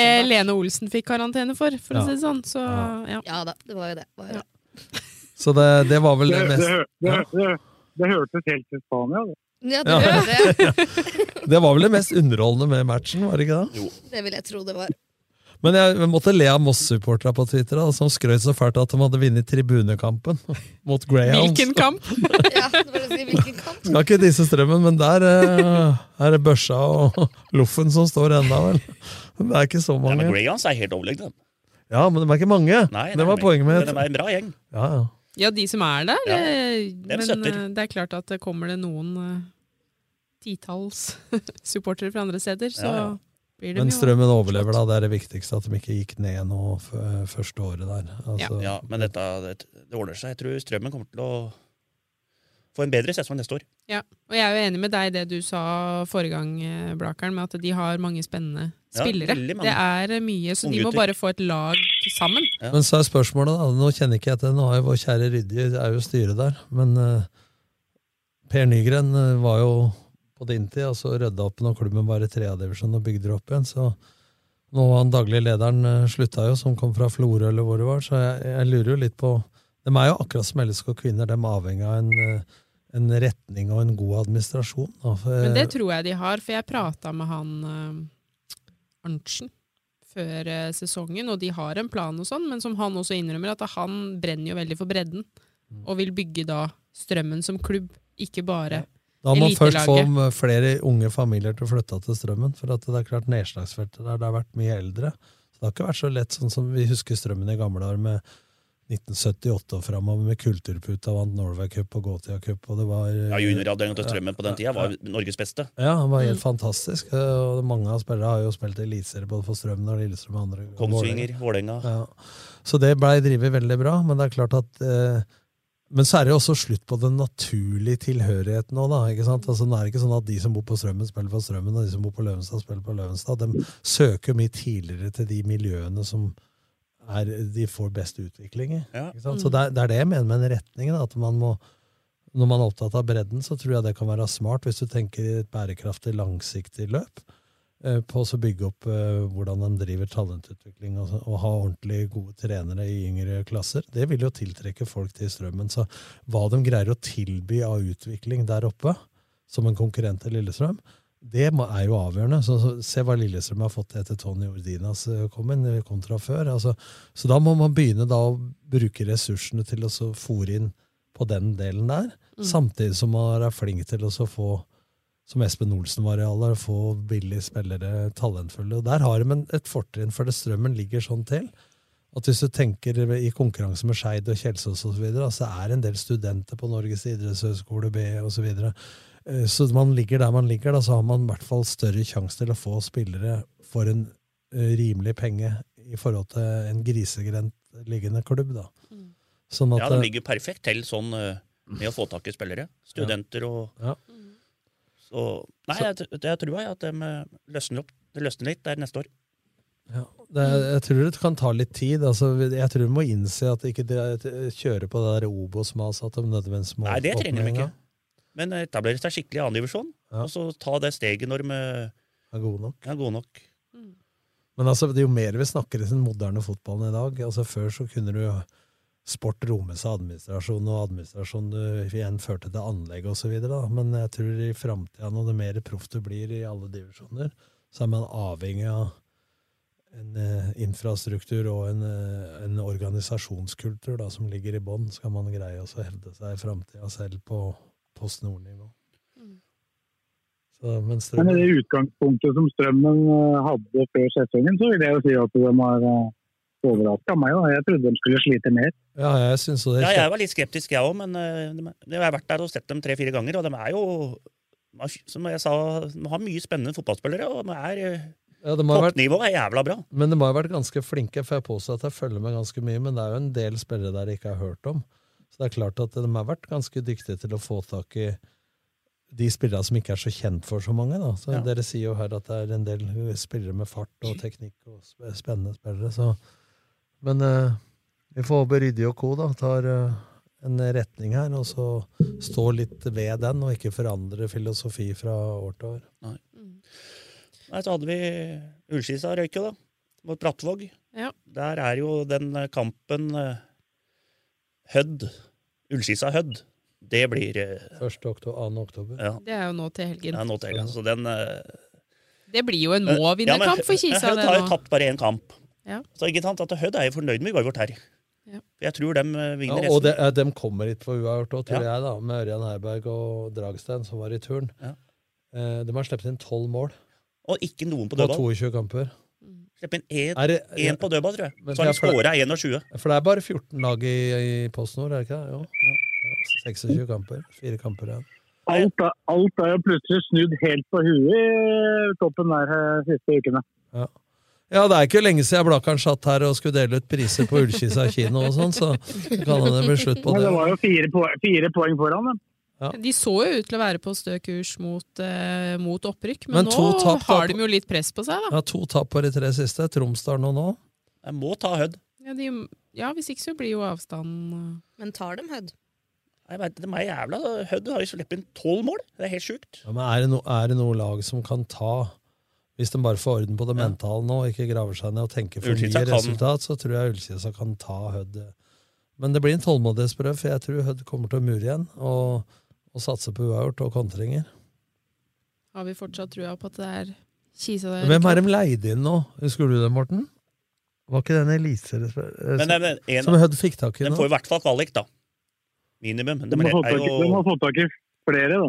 Ja, de har henta De henta han, He- Hel- han Helmersen, han var bare på benken, tror jeg. Ja, og spissen som var i Rosenborg og leide ut til Odd før han ble skada. Ja. Og så var det en eller Ja, annen stopper òg. Alm. Andreas Alm, ja. Raufoss. Marius, Alm, han Marius- var i Raufoss og Kolstad. Ikke Andreas Alm, han spilte i Kongsvinger og var trener i AIK. Ja, han er litt for gammel. Nei, altså, det er eh, spennende der. Og så har jo Det som er litt synd, er jo Eidsvoll-turen, da. Som uh, tapte mot Asker. Men nå har de bytta trenere to ganger i år. Og når de, før de bytta første gangen, så gikk det ganske bra, men det var noe clinch på hvordan klubben skulle drives videre. Og da er det spørsmål hvem bestemmer det. Roar Halvorsen, Vegard Bakkhaug, trenere. Så bytter man, og så er jo Vegard Hogstad og Slottsvenn ærlige at de ikke når fram i garderoben, og dem er jo turnfolk og setter klubben over seg sjøl. Så kommer Karim. Jeg kjenner Karim som en eh, jævlig ålreit fyr, og fotballfaglig. Men jeg blir skremt hvis det er meninga. For når jeg ser med at Asker nå, i en kamp hvor vinneren er over streken, og de kunne kvitta seg med Asker, da. Ja, på en måte. Og nå er de jo likt med Asker, med dårlig målforskjell. Så driver de altså Jeg satt og så denne på RB på Direktesport. Og frispiller fra femmeter. Og så gjorde jo Wedler, som har vært så bra og spilt i Asker før, gjorde en kjempetabbe. da, Retur der på 2-0. Men de mister jo ballen sju-åtte ganger midt på egen banehalvdel og blir kontra og kontra. og De får dem over seg hele tida ligger 2-1. Så kommer de tilbake igjen i kampen med Erik Ruud, som har et fantastisk frispark i motsatt kryss. Og så er de litt på hugget på slutten. Men så spiller de 4-5-1, og jeg er helt enig med Karim at defensiv struktur har de blitt mye bedre på. Men det er jo ikke det defensive som er problemet. Jo, de slipper inn lette mål på personlig feil, men organiseringa i turen er bedre enn han var. Det skal Karim ha. Men det er jo det offensive, valget av risiko opp mot gevinst, de spiller så risikofylt. Det er jo grunnen til at de slipper inn enkle mål! Mm. For de får jo, mister jo ballen mens de er på vei fram hele tida. For de skal spille så fin fotball. Nå, kjære Eidsvollturen, det dreier seg ikke om stilkarakterer. Det dreier seg om poeng. poeng og kynisme. Og nå må de greie å tenke kortsiktig, og det burde man greie. altså Når man tar over nå for andre gang et lag som ligger øh, som hvalen oppe og puster over vann en gang iblant og gisper etter luft det, Disse situasjonene har jeg vært i noen ganger, i hvert fall. da. Så nå føler jeg at jeg veit hva jeg prater om. Da må du legge bort stilkarakterer og sånne ting. For det jeg så nå, ris til egen bak, fortjent.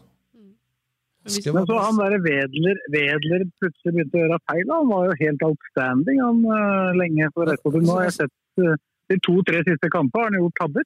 Ja, jeg påsto jo at i våre så var han jo bedre enn uh, annenkeeperen til LSK. Men nå har han eh, gjort tabber i de to-tre siste kampene, og det nå var forferdelig innlegg fra død vinkel. Som han skal fange, og så spretter han i kassa på han rett ut til Sindre Maurits Hansen. Men altså, de er jo mennesker, så det er jo klart at det presset og det at det brenner under dem altså, Det vil jo påvirke de, selv om de er proffe og dette er jobben deres, og sånn, så vil det jo påvirke dem. Så man får jo kanskje litt høye skuldre, da, og en keeper som normalt Ja. ikke gjør feil. ja, men nå har du, Gjør de nå har du årsaksforklart det igjen. Ja, jeg er god på det. Ja, og stakkar og synd og Ja, men du har jo årsaksforklart, da. Det er Det er bra og alt. vi kan utfylle hverandre, Ja. Tom. og Jeg er litt sånn Ja. syns synd på dem, mens Ja. du bare er Ja, men hør da. Det er press, ja, men det er jo en del av idretten. Skal man da Ja, men det er på grunn av at det er press og lave, høye skuldre og bla, bla, bla. Eller skal man bare akseptere at i en sånn situasjon så er det faktisk press? Det er ikke alltid i livet man kan bestemme hva som skjer, Man men man kan øve litt på hvordan man takler det. det. Ikke sant? Og hvis det er fokus for du kan jo finne 100 årsaker til at du har blitt sjuk, og du kan finne 100 årsaker til at det... Folk sier 'jeg tror det kommer til å gå dårlig i dag, for jeg har vært litt forkjøla i sist', og så går det dårlig, og så kan du si 'hva var det jeg sa etterpå'? For det er viktigere å få rett enn å gjøre det bra. Det går Alt det- ofte bra når man eh, Ja, går inn med en dårlig dette- innstilling. Alt dette her er for meg unnskyldninger. For meg så er det et helt taktisk feil å drive og frispille i en kamp du helst skal unngå å tape. Uavgjort er helt fløte, ja. Og tap av kramsen, hva er det du sier? Geitost eller hva det men, men dere må jo støtte meg i det, hvis du driver og spiller med sånn risiko, og så sitter du etterpå og sier ja, vi slipper inn enkle mål. Ja, gratulerer med dagen. Ja. Det, her, eh, det går til helvete hvis de ikke Nå har de fire kamper igjen å gjøre det på. Det er målforskjellen, og spiller vel Strø Det spiller vel eh, eh, Vålerenga 2 i dag. Ja. De kan gå forbi. Mm. Eller er vel forbi. på Og så. Eidsvollturen har jo ikke de letteste kampene. De har Treff borte, Brattvåg hjemme, Skisa borte og Skjelsås hjemme. Ja, Men lett, hva er lett for et lag som ikke har vunnet siden 7. Nei, nei, det august? ikke- Nei, men ikke at det er jo Alle disse kampene her blir jo Men, men hvis du snur på det, da. Hvis du skulle snakka til spillerne i garderoben nå eh, Da kunne vi ta to fokus. Vi kan ta ditt, Karina, og si at ja, men det er jo press, og det er ikke så rart. og sånn da. Det er jo tross alt et press, det der. Og så kan han ta den du tar. Ja, det er ikke akkurat, letteste, det er ikke akkurat letteste programmet som er igjen, da. Det er bra dere ikke er psykologer. Fy faen, altså. Hæ? Makan til rør. Er du, mari er du marinert der nede, eller? Bare hører sånne drypp.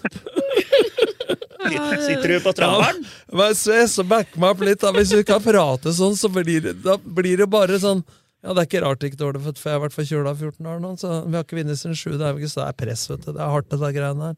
Det er hardt å være Nei, fotballspiller. men det det blir sånn, da. Er vi ferdig med andredivisjon, da? Nei, nå sier Sves noe. Sves. Mayday Marbella. Nei, det.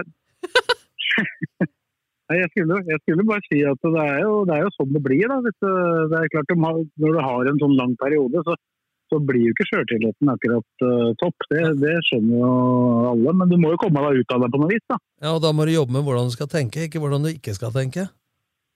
Han Salkvist topper opp i Danmark nå. Han så ut som Vigeland-statuetten på dommedag. Det er klart det er Ja, han, var, mentalt. ikke- han, var, ikke- han, var ikke god, han var ikke god nok for Lillestrøm i Obos, så nå spiller han Europaliga. Det er forskjell, det. Men hvis man går litt lenger Det er frem samme, det i er samme, det er samme gutten. Det er tredjedivisjon. Nei, jeg tenkte 15. oktober, hvis man ser Kisa-turen. Skal jo møtes da. Det kan jo Noen kan jo sende hverandre ned og Ja. ødelegge opprykk. Og det kan jo bety mye, den kampen der. Nå har jo de to lagene hatt kjempemuligheter til å hjelpe hverandre i to-tre helger på rad, og ingen av dem har hjulpet hverandre i særlig grad. Så eh, da må de jo slå hverandre, da. Ja. Tipper jeg de ikke gjør det 15. oktober heller. Nei, nei, men altså, den kan jo brått bety Mye. mye. Mer enn bare at det er et lokal eh, derby. Men hadde jeg vært dem nå, da, så hadde jeg tenkt på en par matcher før 15. oktober. Ja ja, men det Så trenger jo ikke vi så ikke, akkurat nå. Så ikke Bodø-Glimt spiller mot Arsenal Jeg tipper før dem, eh, LSK. jeg tipper dem eh, slår Brattvåg hjemme. Den har jeg jævla feeling for. Brattvåg er ikke all verden, skjønner du. Skal ikke kimse magefølelsen. De slo Kisa 4-2 nå, men de er vesentlig bedre hjemme. Ja, ja. Det er de. Så jeg er Brattvåger. Skal vi gå videre til uh, tredjedivisjon og Gjelleråsen, Men da? Men for å avslutte, så håper vi jo selvsagt at Kisa skal greie det. Så du får gått på Ullkisa kino og delt ut priser. Og vi håper jo at Turn greier det. For. Turn er en OK klubb og har alltid hatt et ålreit miljø og driver ganske bra. Men nå må de eh, drive litt brannslukking, altså. Ikke tenke på stil. Helt enig. Men uh, tredjedivisjon, Gjelleråsen Ja, de gikk jo på et jævla smell mot Tromsø, 10-2. Og Kai Holt har kanskje litt riktig her. Gjelleråsen to, nei, Strømsgodset 2. Meldte han. Trodde han tok dette. Ta Gi litt ros til Sves. Og så Sves har jo meldt. Sves har øh, meldt her, han òg, vet du. Så han er jo oppe i ringa, han òg, når det gjelder den her Strømsgodset. Jeg tror, ikke, jeg tror ikke de er helt enige i Drammen om de skal rykke opp eller ikke. Jeg skjønner at det spillere og han Thomas Halvorsen, det er jo Eidsvolling som styrer dem, da. Ja, men sånn som øh, Men de Jeg spiller tror for ikke, å jeg tror ikke de er helt enige i klubben. Ja, klubben, er, klubben er ikke helt enige om at de skal ha et andredivisjonslag, som jeg har. Nei, men Problemet er jo at Fløya, når vi selger oss som skal gå på sånne blemmer, så er jo bare Fløya fem poeng bak. Og det er jo fire matcher igjen. Ja, men, men det er statistikk. Det Morten sier nå, utfyll reglene, Morten, for du, nå sier jo du det er uenighet i klubben om det vil rykke opp eller ikke, og det er jo interessant tema Ja. i innspurten. her. Hva, Ja. hva tenker du? Ja, men jeg skjønner, jeg, skjønner, jeg skjønner veldig godt at det, de spillere går jo på banen for å vinne, og, de, og treneren ville vinne. Så det, det er jo ikke sånn at de kommer ikke til å legge seg, det tror jeg ikke. Nei, Det er et lovende lag, det der gode- det ja, der- ja, ja, men mener du da at de er altfor dårlige i andredivisjon, da? Er økonomien i bildet, tenker jeg? Det har jo noe med penger å gjøre, og så det å holde seg der er ikke så lett. da. Nei, du ser jo det. Vålerenga 2. Det er vel bare Odd 2 og Vålerenga 2. Godset for Godset- har nesten ikke brukt A-lagsspillere altså, gjennom hele. De har, jeg sjekka alderen på de spillere her for noen uker siden, og det er ganske ungt lag. Altså. Ja, ja. Så, så det, er ikke, det er ikke noe overårig å snakke om der. Nei. Det blir jo et økonomisk spørsmål, da.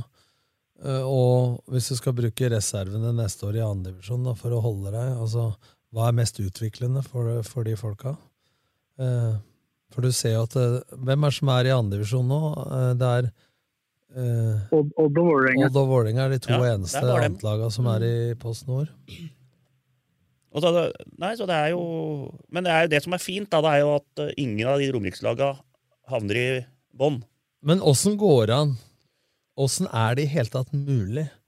Nå har jeg sett Ørn Horten, og Arendal har greid å tape 5-0 og 8-1 eller noe sånt.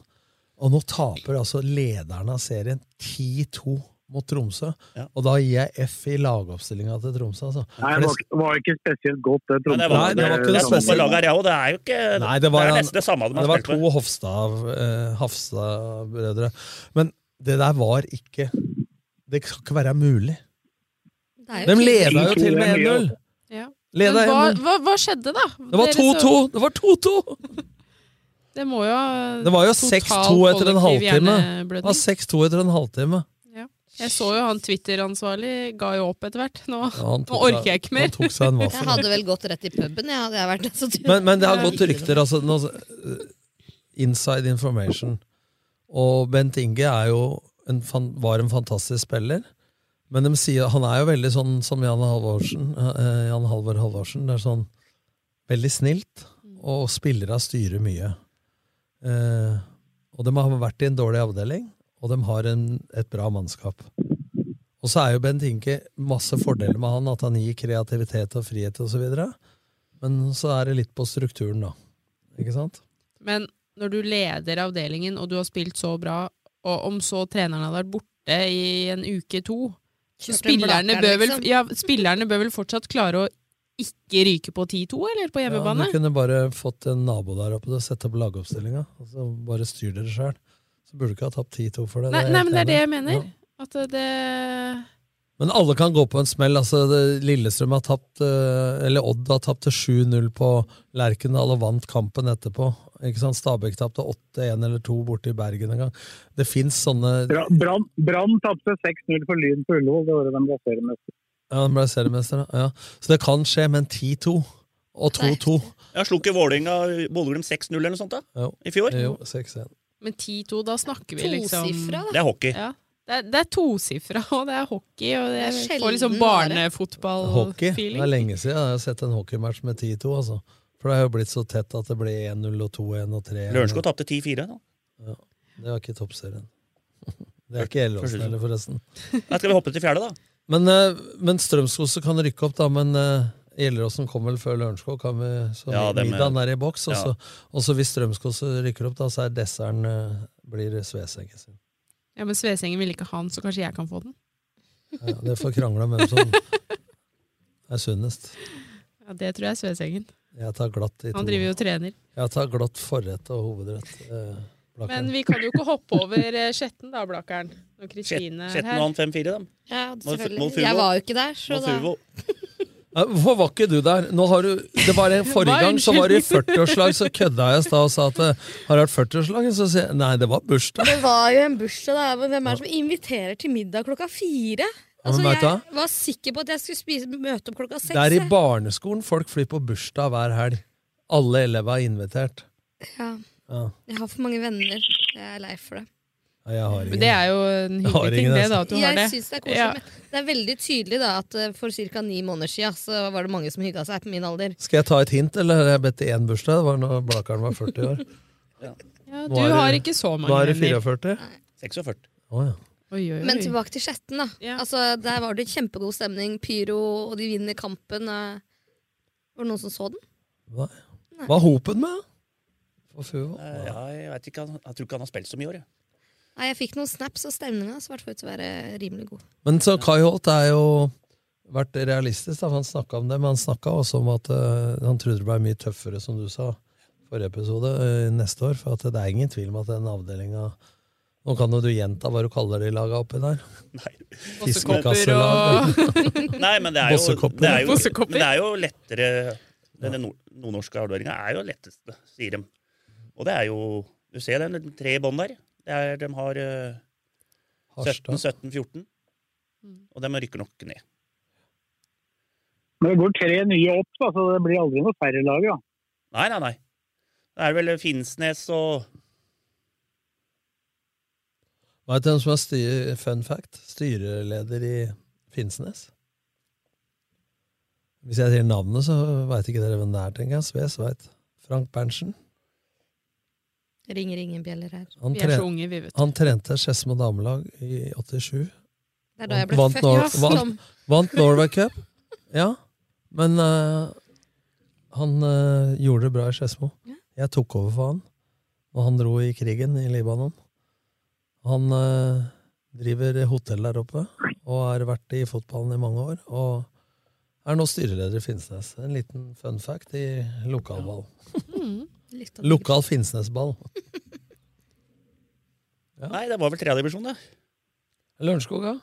Det Lørenskog 2-2. 2-2 mot Harstad. Harstad, som har 17 poeng. Så det har vært en ganske mørk eh, dag for Romerike, eller helg. For Nei, Lørenskog, ja, jeg tror de tar det. Men, Men, eh, så blakka han for to runder siden. Men eh, skal vi over til fjerdedivisjon, da, så er vel, nå er vel Skedsmo Nå Klar, kan vi ikke begynne å prate om at Ullskisa skal ta dem i den. Nei, nå er det så mange Nei, de poeng Har, det er nå- ni de leder med. Hvis Ullskisa vinner den hengekampen, da har de 42. Ja, ikke sant, det er ikke, og de gjør- vinner ikke resten, Ullskisa. Det er åtte poeng, og så er det ni eh, Ja. igjen å kjempe om. Det går. Det går. Det går, så de trenger ett poeng til, da. De ville jo avgjøre på hjemmebane.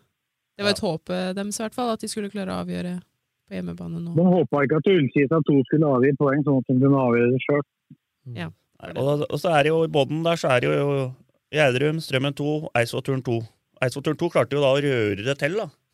Vant jo, brukte Nå har vi, nå har vi fyra litt på Eidsvoll-turen. Men jeg må jo si det med med ja, det er jævla bra at de legger seg Bakka- flatt. Ja, men istedenfor å prøve å unnskylde for han lokalfotballen som vi har ranta litt på før. Han var jo ute på sto klar i, Ja. i, i revehiet der og skulle ta dem. Men når de da bare sier 'vi har gjort en feil', og legger seg fra, og oppfordrer, han oppfordrer Oppfordrer øh, dem til å protestere, Det er sterkt, altså. og mista poenga. Det er fair play. Det er blomster. Det er blomster. Jeg veit ikke om jeg Det hadde er gjort det. ukas men- blomst. Nei, Men så så jeg, så jeg grunnen til at Ullkisa 2 sleit litt i den kampen for å henge med i toppen der. Det var at Strømmen 2 hadde tenkt å berge plassen. Ja. De hadde bra lag eh, mot Ullkisa 2. Altså. Ja, jeg så det. Så det er jo sånn at eh, både Eidsvoll-turen og Strømmen tror jeg bare Jeg tror det blir eh, Nei, Gjerdrum ser tungt ut for Gjerdrum nå, altså. Dem, eh, og de er ikke så dårlige i Gjerdrum heller. vet du. spilt jo treningskamper med Blaker, og jeg syns de har mye bra spillere. Så Det er jo litt krise å få hvis de får uh, annetlaget sitt ned i femte. Det blir rykker ned i femte, da. ja. Ja, for Gjerdrum er ja. Strømmen 2, Lørenskog 2 er i fjerde. Ja. Ja, en divisjon imellom, bare. da. Ja. Nei, det er eh, Nei, det er spennende. I hvert fall i bånn. Mhm. Men det er ikke så spennende i toppen, da. Og det er bare ett som rykker opp. Løven, Løvenstad er klare nå, Blakkern. Ja, Løvenstad klarer nå å rykke opp nå fra femte, og så tror jeg Fjellhamar blir med. Dere, mange poeng har dere bak av? Nå er det Løvenstad klare. Nummer to er Fjellhamar, og dem er fire poeng foran. Oss, og så er to poeng foran Søndre Ørland. Ja, to foran Søndre og fire foran dere. For å ta Eller tre foran Søndre Ørland, er det vel. Ja. Og Søndre spilte uavgjort her. Ja. Så- Så det blir ikke noe fjerdedivisjon i nye klubbhuset på Bruvollen? Nei, da hvis vi nei, vi, vi har Løvenstad hjemme på lørdagen. Vi må slå dem. Det slår dere, for nå er de rykka opp. Ja, og så er Bruvollen der. Litt våt, eh, tung eh, gressbane på Bruvollen. Ja, hadde, ikke vi- dere, hadde ikke dere hatt gress, så hadde dere spilt i sjuende. Dere. Men faen, vi har vært jævla gode på Bruvollen. Er Ja, jeg helt nettopp. trent bla- i ti år, jeg nå. Faen, det var jævla bra statistikk hjemme der. ja, det er jo Eh, matta sin skyld, det, da. Fjellhamar 39, Ja, Søndre Ulland 35, Blake 35. Fire poeng bak. Så er Skjetten to bak. Hvor mange kamper er det igjen, da? Det er igjen eh, Det må du vite. fire matcher. det må du vite. Nei, jo, fire matcher. Mange lag er, i- mange lag er i pulja? Tolv? Tolv, ja. Fire matcher. 18 Vi kamper må, spilt? ikke, vi, må ikke disse, vi må ikke disse klubber som har gress, vi må jo hylle. Jeg er Ja, ja. helt enig. Ja, men definisjonen ja, Og der kommer vel Bøen, bøen opp. Bøen ja, men, eh, kommer vel opp før, du tar, før, ja, før, du før, du, Bøen rykka opp. før du tar bøen, så må vi jo definere hva er gress, da. Når det ikke er vann i åa, så er det ikke gress på Bruvollen. Ja, Altså. da er det hard, ass. Er det potetåker, eller Ja, det kan være litt, bare litt? litt opp og ned noen ganger. Litt, litt humpete?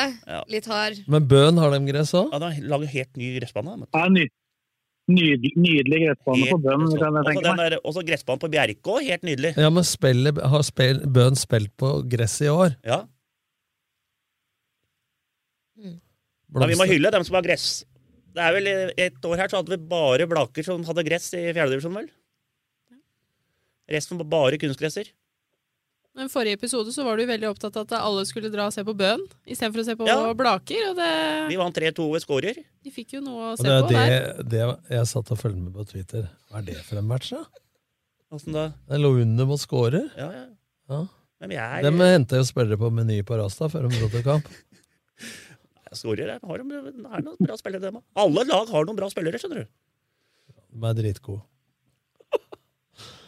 Det var viktig at svensken skåra to for oss, og det var viktig. Ja, Så dere henger med. Antibac-en. Men morsomt, den Du Antibac-en. Jeg ser bare her. Men bøna? Var det fjerde opprykket på rad? Ja, Bøen rykka opp. Sjuende til sjette? det er bare å gratulere. Sjuende til sjette, sjette til femte og femte til Niende fjerde? til åttende, åttende til sjuende, sjuende til sjette, Nei, de er fortsatt bare femte. i femte, da. Bare femte. Det er godt gjort. Rykka fire opp på rad, er i femte. Det er bra jobba. Men gratulerer til Bøhn. Ja. Kanskje var det publikumsrekord Ja, ja. etter Blakerens oppfordring forrige gang. Får opp, får opp alle fra øret meg, jeg. Ja. Skryte litt. Hvor mange var det du så på Blaker, da? Nei, det det var ikke mye. Ta æren for det nå. Ta æren. Tar du æren. for Bøhn sitt Ja, ja, ja. opprykk? Æres den som æres skal. Hva sa du, Men det er ikke sikkert det er siste, siste gangen de skal hylles i år. Da, for da vi, skal vel nevne noe om at det blir fotballgalla snart, eh, Karina? Det skal vi. Smooth overgang fra Spania der. Det er Fotballgallaen er tilbake. Og det blir kult. Var 20, 2019 siste gang? 2019, for det har jo vært pandemi. Så Da nå, var jeg der. Det var jeg òg. Delte ut pris. Det blir det samme som eh, at eh, vi må stemme og Det, du har vel kanskje litt mer eh, praktisk eh, info, Morten? Dato først, Morten. Ja, det, det, 12. november. 12. 12. november.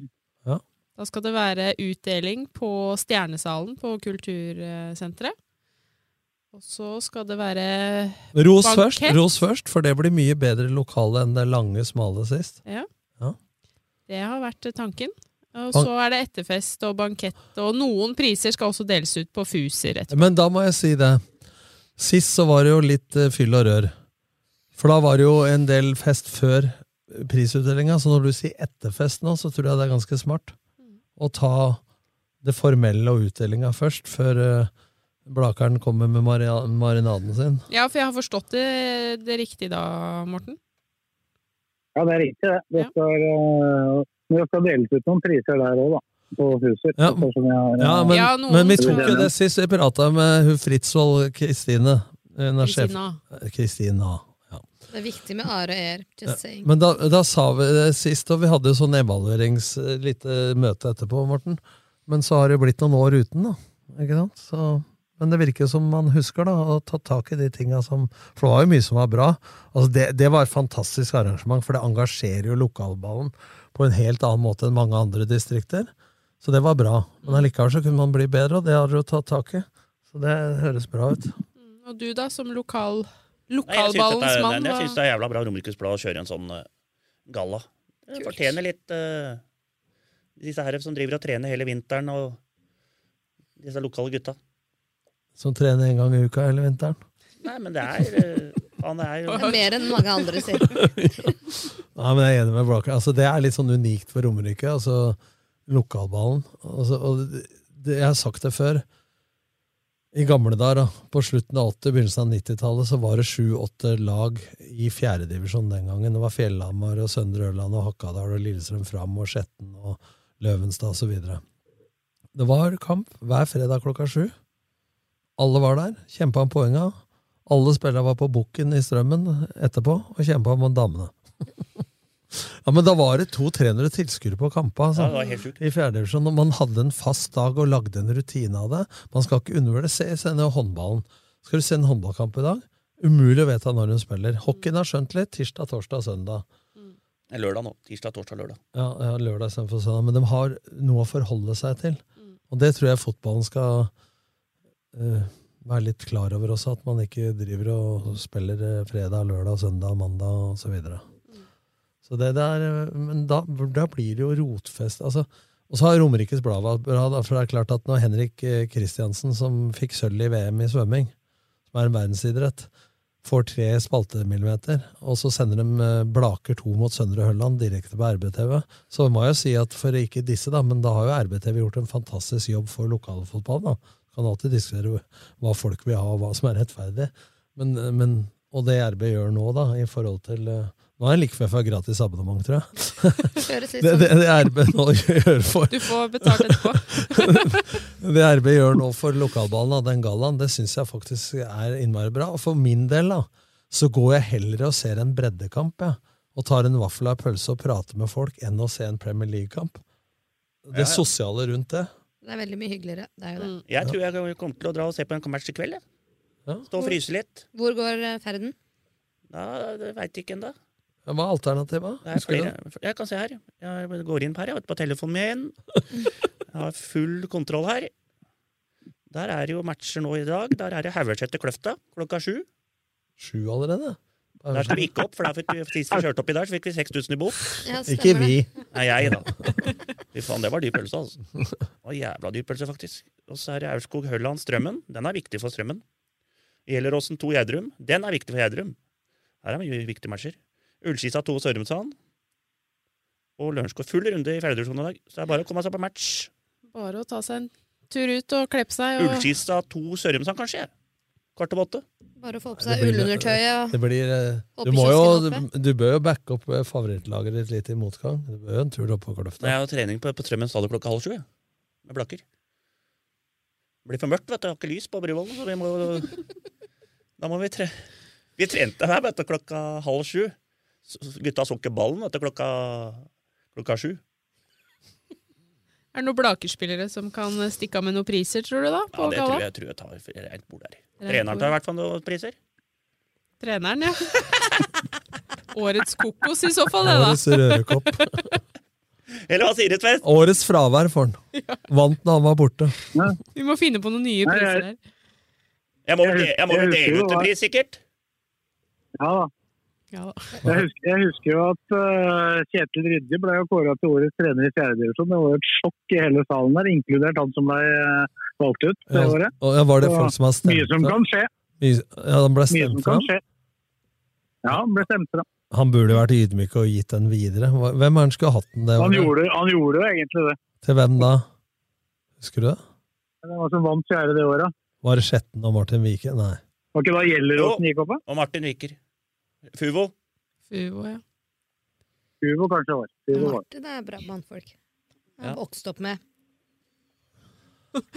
Men eh, ja, nytt av året er vel også at sjettedivisjon er også med på denne gallaen. Det er bra. Sjettedivisjon er med. Ja, så det er andre til sjettedivisjon, og kvinner og menn. Og... Så Bøen er med, da. Andre er, an, andre er jo også med. Det var jo ikke andredivisjonslag på Romerike sist vi hadde den gallaen. Men på jentesida Hvor langt ned? an- Det er bare andre og tredje der, da. Ja. ja, for det er for breddeball, ja. ja. Så det er mye. Men det er litt færre priser enn forrige gang. Vi har ikke med sjuerserier. All girls-laget til Lillestrøm. Lillestrøm. Dem er ganske bra. Det der Lillestrøm eh, Ja, de var på VAM her og vant eh, Var det 21, eller? Ja. Det er morsomt for de andre Heier du, som på, møter de der. heier du på begge da, eller? Nei. Spiller jo med gamle Team Strømmen-jentene og Team Lille eh, Lillestrøm. De er. Beklager at jeg heiet på både nevø og Ja, men min da, da må du venninnes skrive sønn. det. at ja, du- men ah, det var mange som Jeg er skjønte på det. bortsett jeg heier på begge. Du så jo at det var små kids! Når du sist gang du hadde tippegruppe, var hjemme uavgjort borte på alle. Da. Alltid. Nei, skal vi si, det var ikke noe mer nå, da. Da Det var kjennes det jo- som vi begynner å vi driver drevet to timer her. To timer. ja. Jeg har ennå ikke vært med Bladkamp for noen ting jeg ikke har dårlig tid. Har du dårlig tid? Jeg trener klokka halv sju på Ja. Strømmen stadion. Cupen? Det er ikke, snakke om den? det er ikke, ikke, ikke Obos-runde i kveld. altså Da er Blakeren litt roligere. Ja. Cupen? Vi ikke snakke om den? Åssen blir det med cupen? Er det fem Ja, vi må ta Hvis det blir noe, da? Ja, men Cupen 2022 skal jo spilles Ja, det er greit, men 2023 2023. Det er tre forslag fra forbundet nå. Det er å dele den i 23 og 24. Det er nummer to som den bør gjøre. Arrangere den i 2023. Få tilbake tradisjonen og ikke kødde med det produktet der. Amen. Da må Nils Fiskekjønn finne noe annet å gjøre. Eksempel fiske. Nummer tre droppe cupen fullstendig. Hæ? Det kan bare drite i. Ja, altså, Sorry, Ja, hvis det er et seriøst forslag, da må jeg ta en telefon til Lise Klaveness. Altså, og, nå må det skje noe. Men jeg så jo- mange som må gå, Ja. hvis det skjer. Men jeg så på. Twitter, og da var det jo noen som mente Jeg husker ikke, så beklager hvis jeg Men det var noen som skrev at det tredje forslaget der må jo bare være et forslag som er helt håpløst fordi at de har et alt alternativ som er dårligere, ja. som er dårligere men som da ikke virker så Håpløst. håpløst. Ja, men dette blir, det blir De har, jo, de, har jo, de har jo tenkt å dele det på to år, ikke sant? og det er jo egentlig ingen som vil det. Nei. Nei, og da må de gi oss eh, noe mer skandaløst. Sånn Ja, det er jo Molde, Molde, da. ja. Molde og Bodø-Glimt, de støtter jo dette. Eller de sitter på gjerdet, som de sier eh, så fint. Men, Men, men når du snakker om alternativ, det blir som når jeg jobba i Radio Nero og gamle der. altså. Så var det noen musikkonkurranse, og så hadde han tre Det var en eller annen artist og tre artister, da. Og så spurte han kan jeg få flere alternativ. Nei, du får ikke det, for det er én av de tre. skjønner du. Så du bør ikke ha det tredje alternativet. da, nødvendigvis. Du kan jo ta to, for eksempel. Spille den uh, i 2023, eller dele den på to år. Og da er det spillet i 2023 som er Men er dette en måte for NFF å på en måte bare kutte ut cupen helt Ja, men til hvorfor, slutt? Hva er motivet med å kutte ut cupen? I dag er det det mange temaer jeg er på, engasjert i. altså. Ja, men Det er det jeg lurer på, da, for jeg forstår ikke tankegangen. Jeg forstår at cupen har blitt som den har blitt på grunn av er? pandemien. Tankegangen er at norsk toppfotball styrer i bakgrunnen. Hvem styres det av? Av de beste klubba. Vært Rosenborg før, Bodø-Glimt, Molde. Hva er det de tenker på? Jo, de skal legge Europa. forhold til rekke, rette for europacuplaga. Det er klart at de laga har såpass store staller at de kan spille av første og annen runde med reservelaget sitt. Altså, Hvis det skal legges opp all norsk fotball etter de to-tre laga som er i Europacupen ja, Da vi skal skyter prioritere- norsk fotball ja, ja, men det, da, ja, du ødelegger for deg sjøl. Det skal man bare ikke gjøre. Det er ikke greit. Og det får må, ringvirkninger. må, Ja, unnskyld. da må de gjøre, da må de gjøre som uh, de beste lagene i andre land gjør når det er cup. Da Da må de velge. Mm. Prioritere. Prioritere Det er hvor skal vi være gode. Ja, men Vi skal tilfredsstille alle. vet du. Det går ikke. Noen ganger så må du ta en beslutning. Hvis beslutningen er å rokke ved et produkt, som i England og Norge har cupen eh, stor tradisjon, og da pisser også på bredden. ikke sant? Alle de der vaffelsteikere og dugnadsfolka som ser opp til oppe i Dala og bygda til å møte et eliteserielag osv. Altså, det må ikke undervurdere ringvirkningen av dette på sikt. altså. Hvis du tenker for smalt. Altså, Jeg er en toppidrettsfyr, men hvis du tror at eh, du kan kødde for mye med bredden Altså, Vi trenger både bredde og topp. Det bør ikke være Det er jo ikke noe topp blir jo ikke uten topp uten bredde. bredde. Ja. Der var vi enige, Å, ja. Karine. Go girls. Nei, men altså, de, det er jo som du sier, da. De pisser jo på produktet. De pisser på vaffelstekerne. De, altså, de ødelegger jo et produkt som engasjerer, og som folk har et så nært forhold til. Jeg så noen sa altså at eh, da kan eliteserielaget komme inn i tredje runde, men det blir ikke sjarm det heller. vet du, For at de, er de har all lyst til å møte de folka først. Du må ikke tulle med det. Det blir samme som debatten med at du skal ha færre lag.